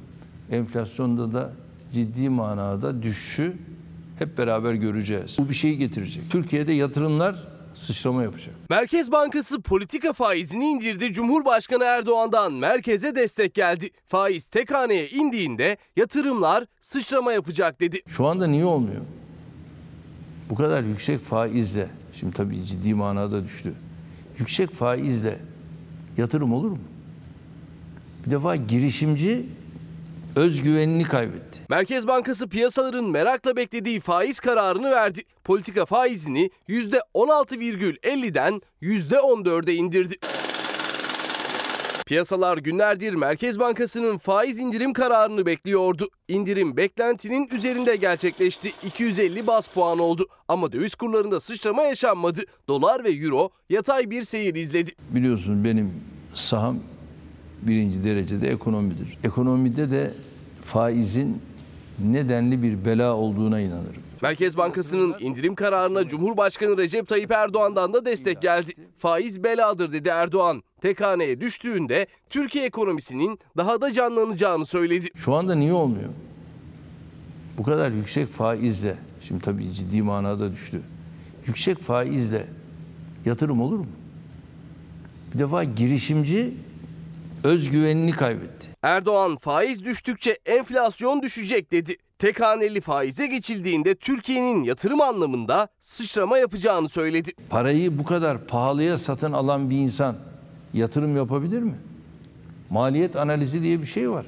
Yani bu maliyet analizlerini yapan bir girişimci Aa, ben parayı bu kadar pahalıya satın aldıktan sonra bu yatırım nasıl yapayım der. Bursa'dan Ebru Yıldırım da huzur, esenlik ve barış dileklerini gönderiyor Türkiye'mize. Gazete manşetlerinde dünyadan bir haber daha. Hani geçen hafta sizlere aktarmıştım. Hukukun üstünlüğü, ekonomi içinde bu çok önemli. Mehmet Gün, hukuk insanı, kalkınmanın formülü, hukukun üstünlüğü ve hesap verilebilirlik. Mehmet Kaya'nın yaptığı bir röportajda işte bunları söylüyor. Sırada ekonomiye dair bir başka manşet daha dikkatlerimizi çekiyor. Vergi. Efendim bakın, hükümet bozulan mali dengeleri düzeltebilmek için yeni yeni vergiler almaya çalışıyor. Dolayısıyla parlamentodaki gelişmeleri dikkatle takip edelim. Bu gazete Analiz Gazetesi. 2020 bütçesi Cumhurbaşkanı Yardımcısı Oktay'ın sunumuyla tanıtıldı. Enflasyon ve işsizlik tek haneli olacak diyor. Ama olur mu bilmem. Olmasını temenni edelim.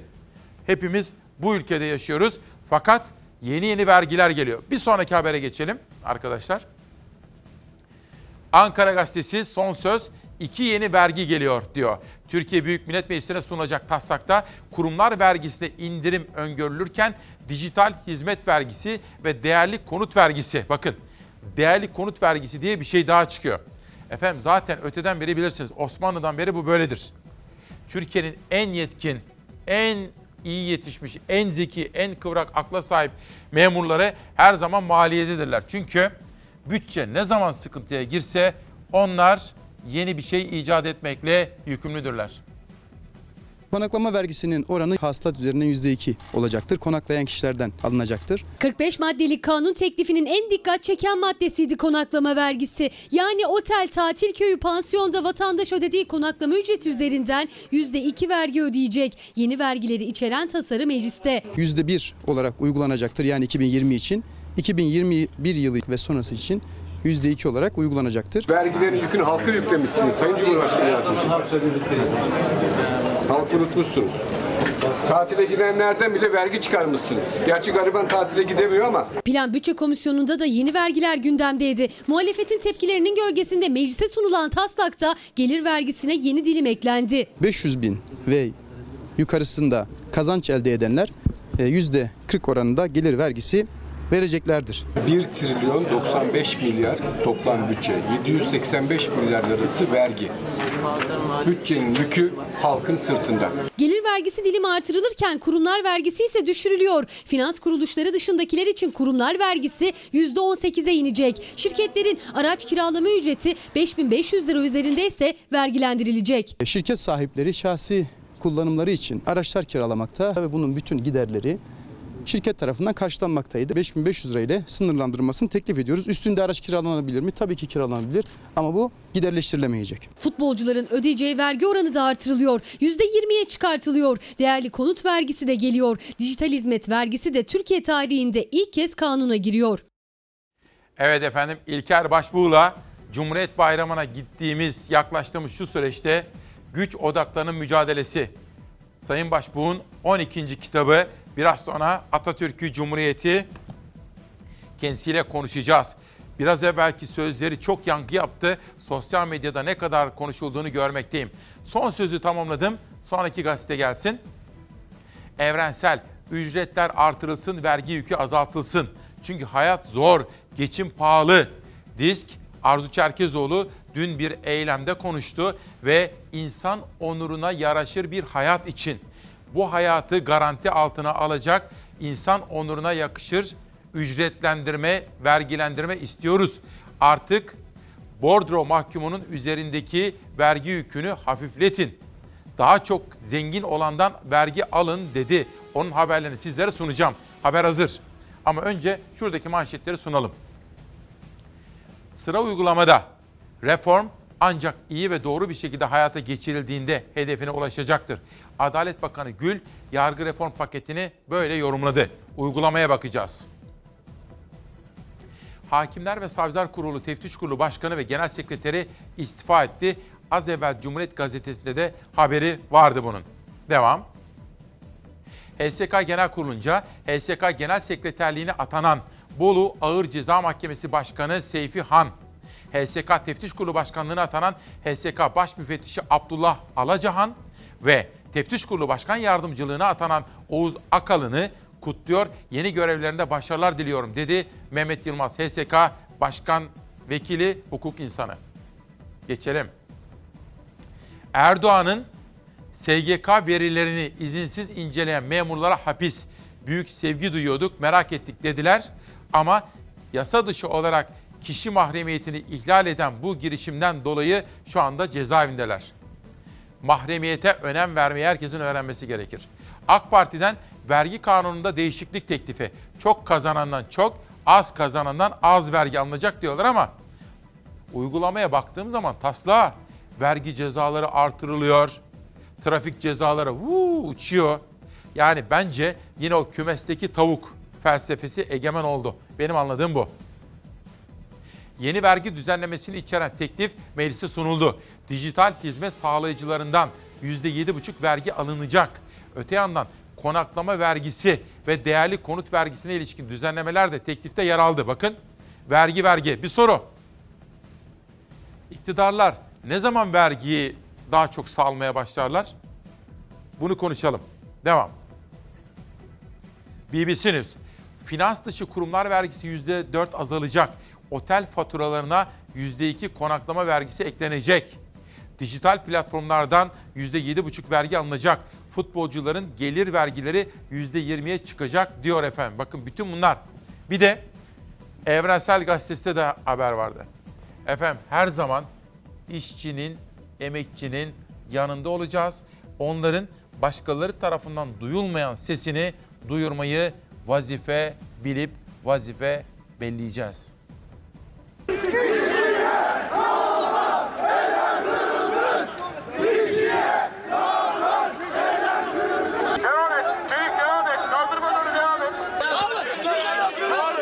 Önce maaşları ödenmedi, sonra tazminatsız işten çıkarıldılar. İşçiler haklarını aramak için Ankara'ya yürümeye karar verdi ama karşılarında polisi buldular.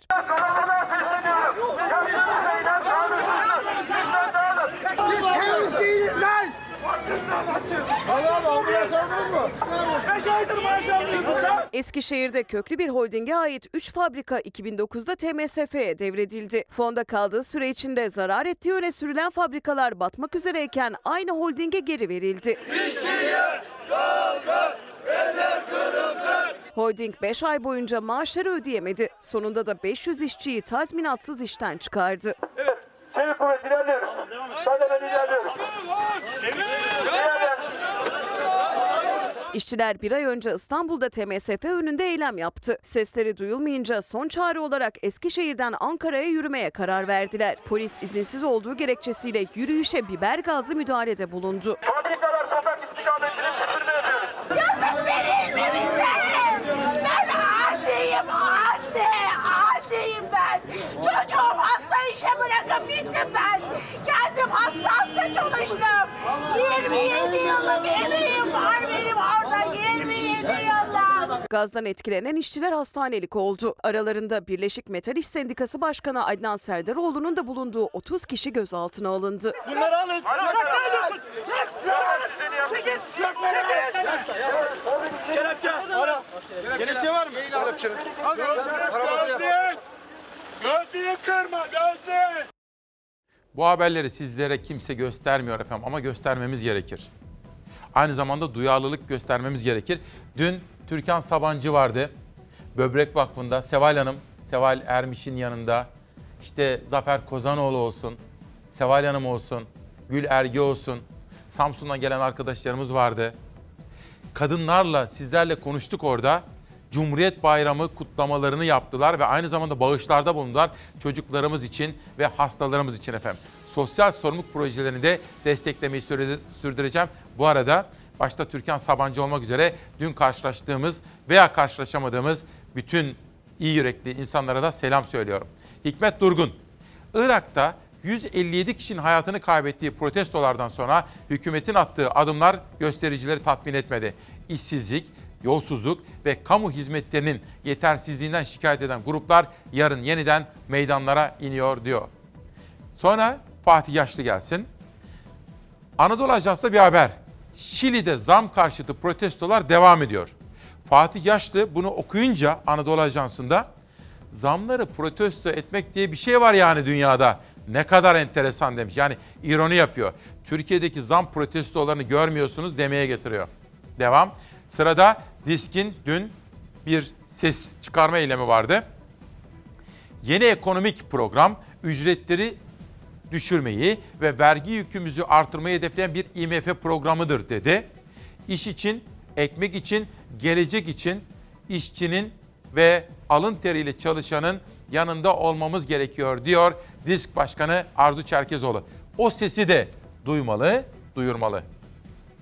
Metal işçisi arkadaşlarımızın aylardır alamadıkları ücretleri ve hakları için günlerdir direnişte olan ve bugün seslerini duyurmak için Ankara'ya yola çıkan metal işçisi arkadaşlarımıza ve sendika yöneticilerimize yapılan saldırıyı şiddetle kınıyoruz.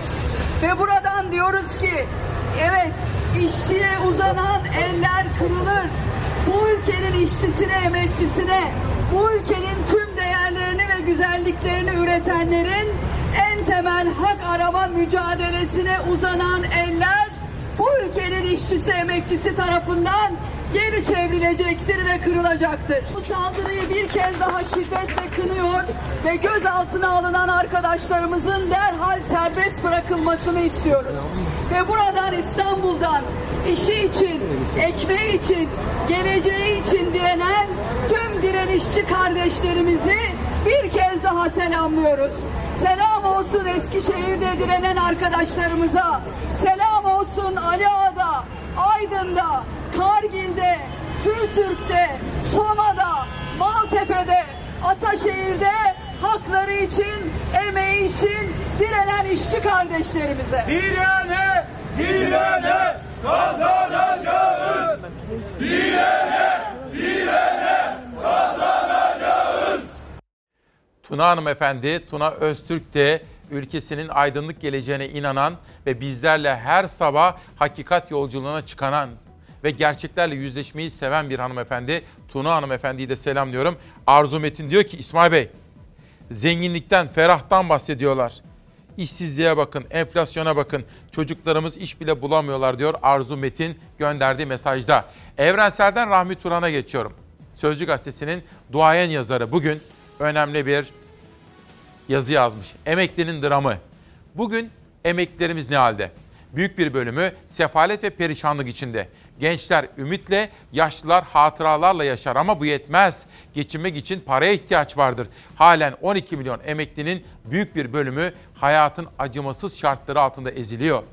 Bana her gün en çok emeklilerden mail gelir. Geçinemiyoruz diye sızlanırlar. Bazıları açız diye ağlaşır. Dünkü gazetelerde şöyle bir haber vardı. Emekli milletvekili maaşı 15.210 lira oldu. Emekli başbakan ve bakan maaşları 24.328 liraya yükseltildi. Emekli cumhurbaşkanlarının maaşları 32.500 lira oldu. Gözümüz yok. Helal olsun. Güle güle harcasınlar. Fakat fakat bu arada devletimiz sosyal bir devletse emekli, işçi, memur ve esnafı da düşünüp onları aç bırakmamalı. Şaşırdığım şey şudur. Emeklilerin birçoğu hala gidip kendilerini açlığa mahkum edenlere oy veriyor. Garip ve hazin bir çelişkidir bu diyor efendim. Bir de bu sene belediye başkanlarını dikkatle yakından takip edeceğimizi söylemiştik. Verdikleri vaatleri yerine getiriyorlar mı? Mesela israf, israfı önlemek için hangi belediye başkanı ne yapıyor? Dikkatle yakından takip ediyoruz. 78 bin liraya. Satıyorum. Satıyorum. Sat. Efendim hayırlı İBB'de bir ilk yaşandı. İhtiyaç dışı gayrimenkuller açık arttırma yöntemiyle satıldı. 514 bin liram yoksa eğer 519 numaralı bayrağı 512 bin liraya satıyorum. Satıyorum. Sat. Efendim. Hayır. Bu ödemeli, ödediğimiz para da devlete gittiği için son derece müsterihim. 167 numaralı bayrağı. Satıyorum. Satıyorum.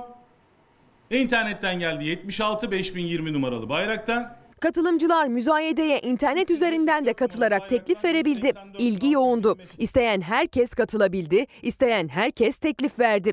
Müzayedede açık arttırmaya sunulan ilk araç Yeni Kapı'da sergilenen ve İstanbul Büyükşehir Belediyesi Başkan Vekili Hüseyin Aksu'nun kullandığı belirtilen makam aracı oldu. 185 bin lira muammen bedeliyle müzayedeye çıktı. Açık arttırmada 260 bin liraya alıcı buldu. 341 numaralı bayrağı 260 bin liraya sat.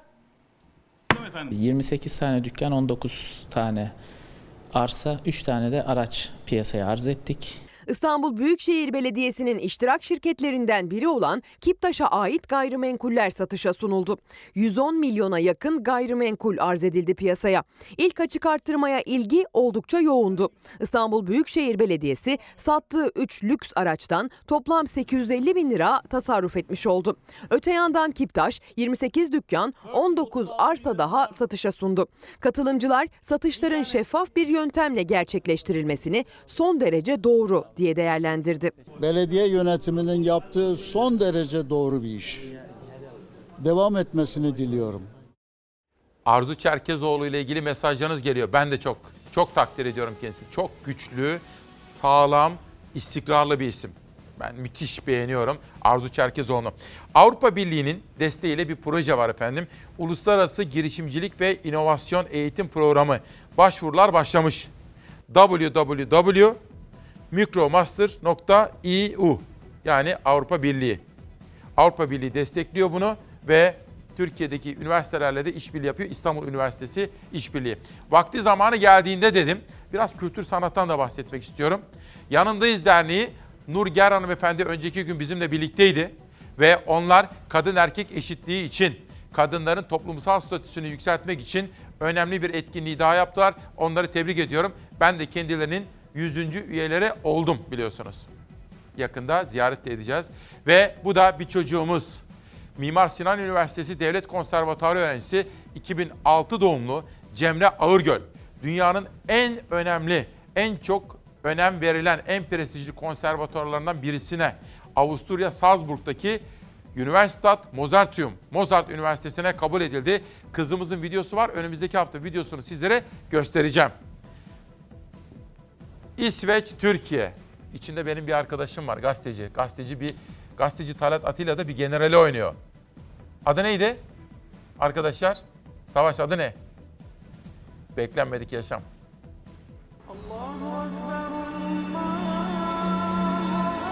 Anne, nasılsın? İyiyim iyiyim, ne yapıyorsun?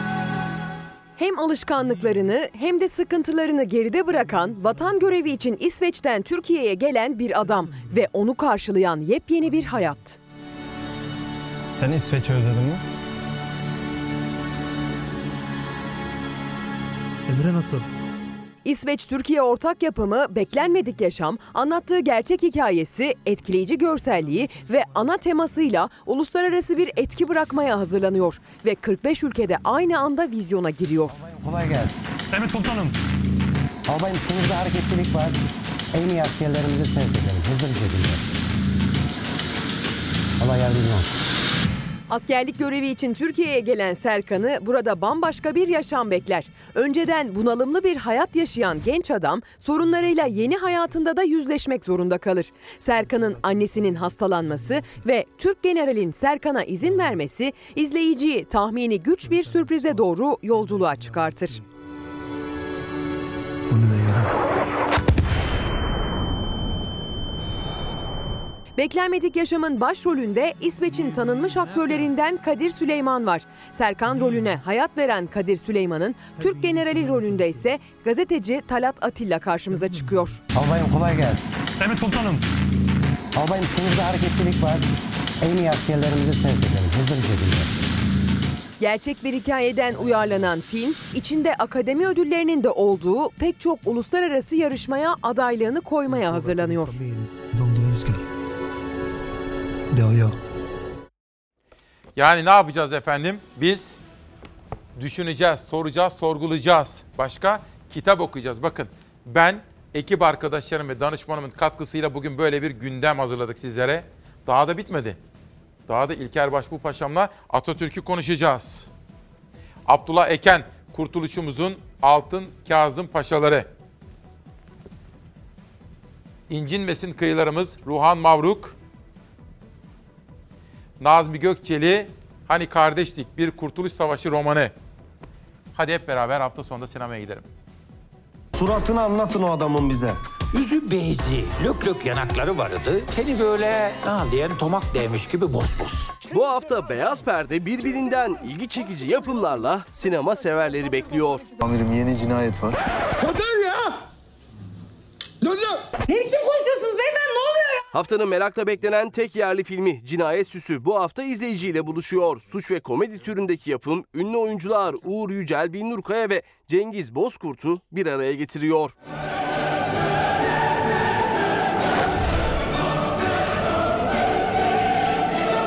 Bir dizi cinayet, bir seri katil ve o katili yakalamaya çalışan cinayet büro ekibi. Cinayet süsü izleyenleri Arap saçına dönmüş bir aksiyonun içine sokuyor. Şüpheli 30-35 yaşlarında bir erkek.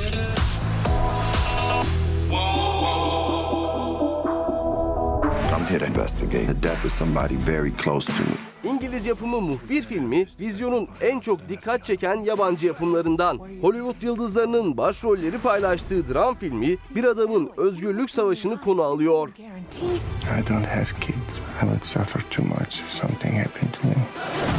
Please daddy come back home. I'm scared. Geçmişin Sırları Bulmaca Kulesi ve Deri Ceket'te haftanın vizyona giren diğer filmleri arasında. Tu me fais confiance ou pas Evet efendim Sayın İlker Başbuğ yeniden aramızda. Çok selamlar var. İşte ne bileyim Aytuç Erkin'den tutun Ankara'daki dostlarımıza kadar. Pınar Hanım, Pınar Hanım bizim basın konseyi başkanı. Pıranç. Evet Pınar Hmm. Pıranç de sizi izliyor. Selamları var efendim. Teşekkür ederim. Efendim bugün Sözcü Gazetesi'nin okurları Aytuç Erkin'in yapmış olduğu İlker Başbuğ'la olan bir röportaj var. Ben de bunu sabah erken saatlerde okudum. Fakat en çok merak ettiğim şudur Sayın Başbuğ. Şu kitabı göstereceğim de bu kitap yeni çıktı efendim. İlker Başbuğ'un 12. kitabı Türkiye Cumhuriyeti'nde 1923-1961 güç odaklarının mücadelesi Kırmızı Kedi yayınları arasında çıktı. Bu da benim imzalı nüshamdır. Hafta sonunda ben Ankara'ya gidiyorum. Yolda da bunu okuyacağım. Efendim önümüzdeki hafta Cumhuriyet Bayramı kutlayacağız. Şimdi Atatürk büyük bir devrimci. Siz de Atatürk okumaları yaptınız. Şunu sorabilir miyim size? Bizim devrimimizin, Atatürk devrimlerinin ana omurgası, ana felsefesi nedir? Neye dayanır? Ee, çok e, güzel bir soru. Şimdi aslında sevgili İsmail bu kitabın bence en önemli bölümlerinden bir tanesi e, Mustafa Kemal Atatürk'ün Cumhurbaşkanı dönemi yani 23-38'i inceledikten sonra bu bölümü Türk devriminin bir analiziyle tamamlıyoruz. Ki Türk devriminin analizini ihtiva eden son Atatürk'le ilgili bölüm yaklaşık 40 sayfaya yakın. Biraz da Türk devrimine farklı açıdan bakarak e, okuyucuya e, ulaşmaya çalıştık. Şimdi bana göre aslında temel sorunlarımızdan birisi bu ki e, seninle daha evvel de bu konuyu çok biliyorsun programlar da yaptık. Evet efendim. Ya biz e, Mustafa Kemal Atatürk'ü tam doğru anlayabildik mi? Bana göre hayır. Evet maalesef. maalesef. Hayır. Çünkü e, tabii iyi anlayamazsanız e, bir noktada anlatmada da e, sıkıntılar oluyor. Sorunlar da buradan doğuyor. Şimdi ben özellikle bu kitabı e, yazarken yaptığım araştırmalar sonucunda Türk devriminin temel felsefesi yani Atatürk'ün Türk devriminden amaçladığı temel noktanın çok e, farklı bir şey olduğunu, belki de bugün en az üzerinde durduğumuz nokta olduğunu anladım. Ki fevkalade önemli bir nokta. Şimdi bunu anlayabilmemiz için işte e, Mustafa Kemal e, 19 Mayıs'ta Samsun'a çıkacak e, kongreler dönemi ve Ankara'ya dönecek. Evet. Ankara'ya döndüğü zaman Aralık 28 Aralık 28 Aralık 1919 Ankara'nın ileri gelenleriyle bir toplantı yapıyor. 27 Aralık'ta gelmiyor mu Ankara'ya? Geliyor e, bir gün Heh, sonra, bir gün işte, sonra diyorsun. 28 Heh, tamam. Aralık'ta Tamam. e, Ankara'nın ileri kutluyoruz gelenleriyle bir, bir toplantı yapıyor. Şimdi burada aslında söyledikleri bence hayati öneme ait. Şimdi bunu iyi, bu konuşmayı iyi anlamak lazım. Aslında bu konuşmada Mustafa Kemal Atatürk Türk devriminden amaçladığı temel hususu söylüyor. Bakın ne diyor? Fertler fikir sahibi olmadıkça. Ha, şimdi burada bir çok önemli bir kavram var. Fertler fikir sahibi olmadıkça. Ne demek istiyor? Benim diyor ins- halkım, insanlarım bir fikir sahibi olacak. İki, devam ediyor. Haklarını idrak etmiş olmadıkça haklarını o zaman diyor işte toplum istenilen istikametlere kimisi tarafından iyi, kimisi tarafından da Tabii. kötü sevk edilebilir. O halde şimdi bu, bunun üzerine biraz duralım. Bakın fertler fikir sahibi olmadıkça. E fikir sahibi, ha bir şimdi hemen e, rahmetli Umumcu'yu hatırlayalım Evet, ne demişti? Bilgi sahibi olmadan dedi. Bilgi sahibi olmadan, Olmadan fikir, sahibi, olursan o da seni sürüklüyor O, bir yere. Türkiye'nin zaten şu anda Sorunu temel bu. sorunu da bu. Yani bilgi sahibi olmadan herkes her konuda fikir sahibi. Evet öyledir maşallah. Ama şimdi burada Mustafa Kemal'in aslında kastettiği şu. Fikir sahibi olmanız için bilgi sahibi olmak. E bu nedir? Eşittir. Okumak. Ok, eğitim. Eğitim. Eğitim ve öğretim. Bilgiye dayalı fikir sahibi her olaylar hakkında. Yani Mustafa Kemal'in istediği benim e, insanımın, benim insanım diyor fikir sahibi olacak. Bilgiye dayalı bir fikir sahibi olacak. İki, haklarını, hangi hakları? İşte anayasalarda, yasalarda verilen haklarını anlayacaklar. Ve Haklarını, tabii hak aynı zamanda insana sorumluluk da verir Tabii. biliyorsun. Yani hakkı ver, e sorumluluk yok. Böyle şey olmaz. Kişi hak ve Hak sorumlulukları. da var, sorumluluk da var. O zaman işte bu iki kavram fevkalade ben önemsiyorum. Yani aslında e, devrimin temel noktası. Devam edecek. Şimdi esas devrimin bana göre temel Evet. felsefesi yine bu yaptığı konuşmadaki şu cümlede yatıyor. Bakın diyor ki kendini kurtarabilmek için kendini kurtarabilmek için her ferdin, her bireyin geleceğiyle bizzat ilgili olması lazım. Güzel. İşte bu işte zaten Mustafa Kemal'in istediği bu. Şimdi nereden aldı? 1900 efendim daha 19'lardayız. O andaki Türk toplumunun durumunu düşünün. İstanbul'da bir sultan padişah var ve sultan padişahla ilişkisi kul kul seviyesinde olan Teba. bir toplumla karşı karşıyasınız. Yani yukarısı efendim size e, şunu şöyle yapın diyecek. Siz de onu yapacaksınız. Bu belki 1876 birinci meşrutiyete kadar tamamen böyleydi. 1876'dan sonra belki biraz ne yaptı? Gevşedi. Şimdi burada esasında bence temel felsefenin yani devrimlerin temel felsefesinin mihenk taşı her bireyin geleceğini tayin etmede bir güce, bir noktaya gelmesi. Güzel. Bu nedir aslında biliyor musun? Bu ya bireye saygı, insana saygı. Yani bu bunu biz doğru pek anlayamadık yani anlamakta zorlanıyoruz. Dolayısıyla Mustafa Kemal'in yapmak istediği eğitilmiş ve eğit, öğretimden de geçen kişilerle ne yapacak? Bir noktada o eski sistemde kulluk sisteminden kul e, durumundan Vatandaşlığa. insanlarımızı anayasal vatandaşlık, Hak sahibi yurttaşlık, olan vatandaş. yurttaşlık kavramına Çok önemli. Peki. Bu, bu, bu kavramda ne var? Haklarınız var. Artı sorumluluklarınız var. Efendim? Dolayısıyla şunu şöyle bir Buyurun. toparlayayım. Dolayısıyla bence Mustafa Kemal Atatürk'ün gerçekleştirdiği devrimin temel felsefesinin arkasında yatan insanlığa hürmet, insanlığa saygı.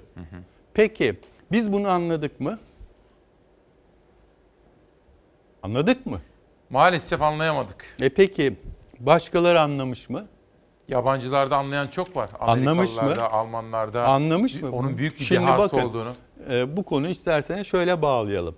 E, UNESCO Genel Kurulu biliyorsunuz 27 Kasım 1978'de bir karar alacak. işte Atatürk'ün 1881 e, yıl dönümü gelecek ya 100. yıl dönümü. Aldığı kararda UNESCO'nun biraz evvel benim ifade etmeye çalıştığım Mustafa Kemal Atatürk'ün temel felsefesini doğru anladığını görüyoruz.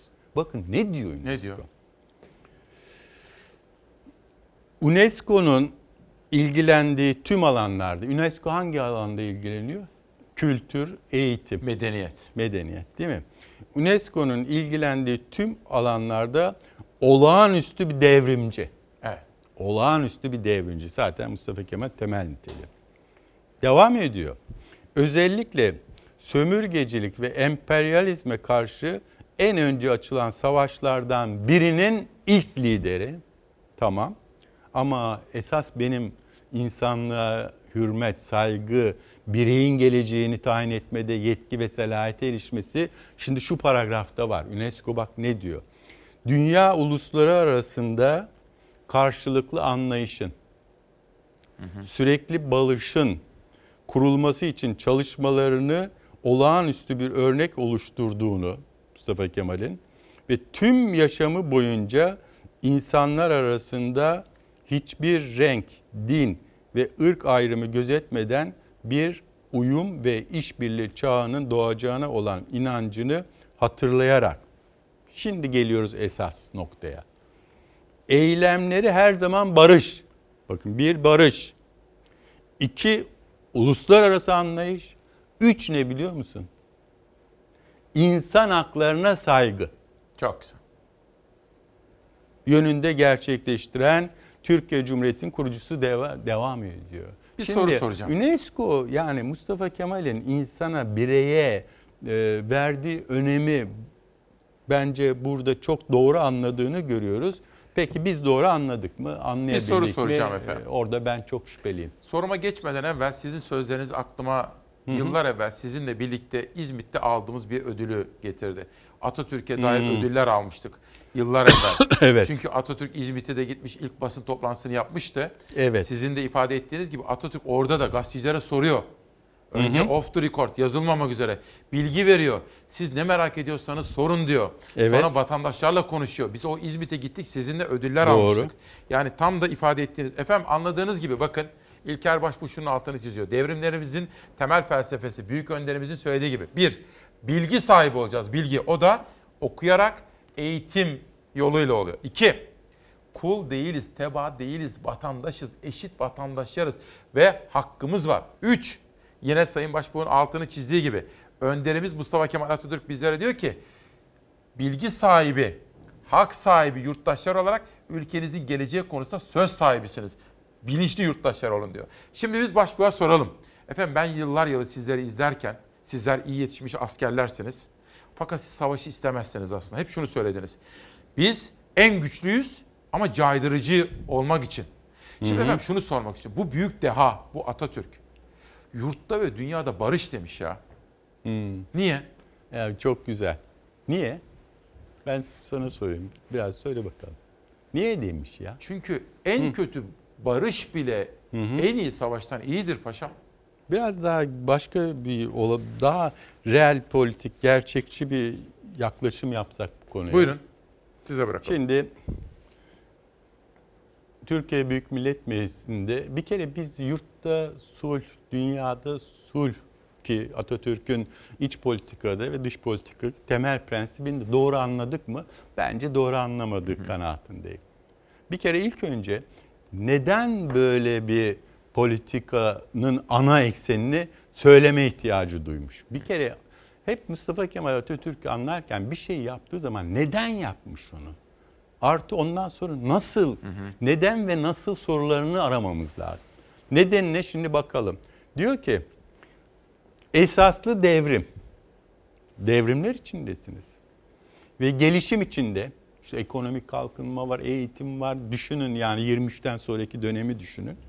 İçinde bulunan bir memleketin hem kendisinde hem de komşularında barışı ve huzuru cidden kabul etmesinden, istemesinden başka bir şey olamaz.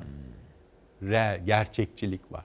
Şimdi 23'ten sonraki e, Türkiye Cumhuriyeti'nin durumunu düşünün. Devrimler artık gelecek. Artı e, tabii ekonominiz çok diplerde, ekonomiyi geliştireceksiniz, bir kültürel devrim yapacaksınız. E, bir yığın sorunlar var. E peki bunları sağlayabilmeniz için ne lazım? İlk önce yurt içinde, ülke içinde huzur lazım. Artı komşularınızla da huzur ve barışın olması zorunlu. E biz bunu tarihsel olarak yaşıyoruz. Bakın Irak'ta sorunlar oldu. Efendim şimdi günümüzde Suriye'de sorunlar var. Yani e, bu ülkelerde barış yok.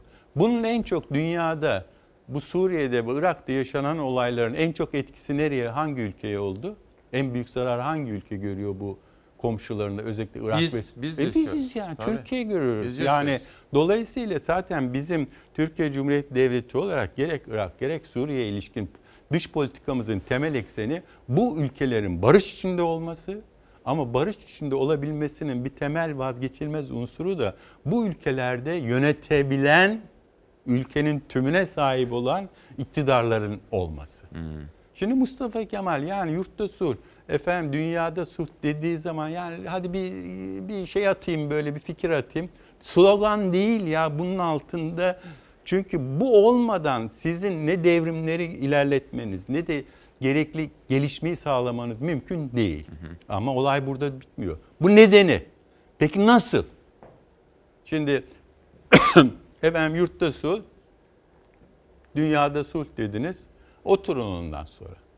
Kendiliğinden bu oluşacak. İsveç değilsiniz. Ya değilsiniz bravo. Bölgeniz. Yani ülkelerin milli menfaatleri var. Milli menfaatlerin çatışması var. Çünkü bazen e, ne diyeyim cahil insanlar çıkıyor. Diyorlar ki efendim Mustafa Kemal'in işte yurtta sulh, dünyada sulh sözü pasif politikadır. Pasiflikle suçla, suçlayanlar var. Ya bu tabii biraz ki. biraz ca, ca, cahillik. Şimdi bakın Mustafa Kemal aynı zamanda bu yurtta sulh, dünyada sulh e, söyleminin gerçekleşmesinin nasıl olacağını da bize söylüyor. Bakın ne demiş? Diyor ki ancak barışın ebedi yani sonsuza kadar olacağına inanmak saf dillik olur. Saf dillik diyor. Devam ediyor. Bu o kadar önemli bir gerçektir ki onda bir an gaflet bile bir milletin hayatını tehlikeye sokabilir. Yani yurtta sulh, dünyada sulh dedik. E, el ele be sonsuza kadar e, devam edecek. Yok diyor böyle bir şey yok. Keşke olsa. Saf değil, keşke olsa. Devam ediyor. Hukukumuz, şeref ve hasiyetimize saygı gösterildikçe karşı saygıda asla kusur etmeyeceğiz. Fakat burası da çok önemli.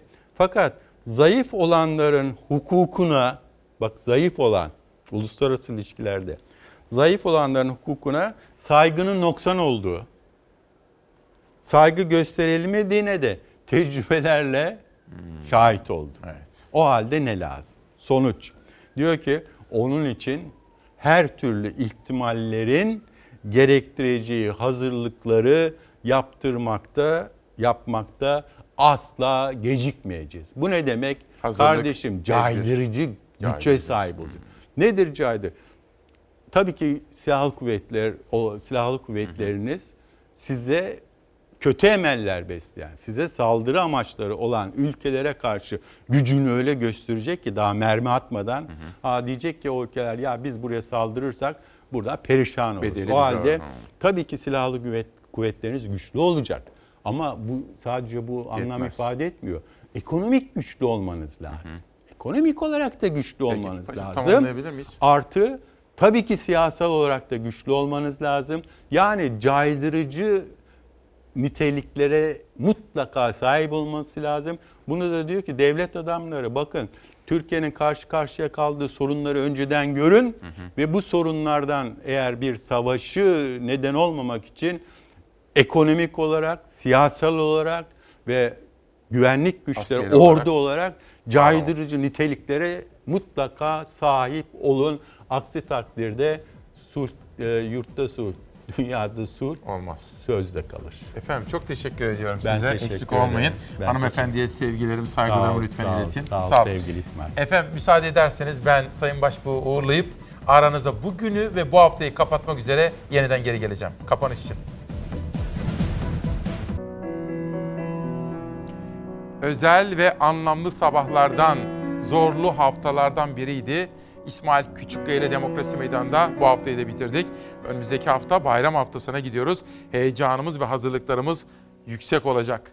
Tülin Yıldız, Zihnimin Duvarları Koyu Gri isimli kitabıyla yanımızda. Dünya çapında tanınan bir isim olduğu Greta, iklim değişikliklerine ilişkin yapmış oldukları çalışmalarla Tülin Sadıkoğlu çevirisiyle ve Ulviye Savtur'un Türk Sanat Musikisi Bestekar Koro Şefleri mürekkep. Haftanın şairi Hüseyin Ferhat. Hani vardır ya dalgalandım da duruldum diye onu hatırlatan iki dize geliyor. Yer değiştirir. Yel kovanla akrep yer değiştirir. Der ki dur, dur ey kalbim dur, durul.''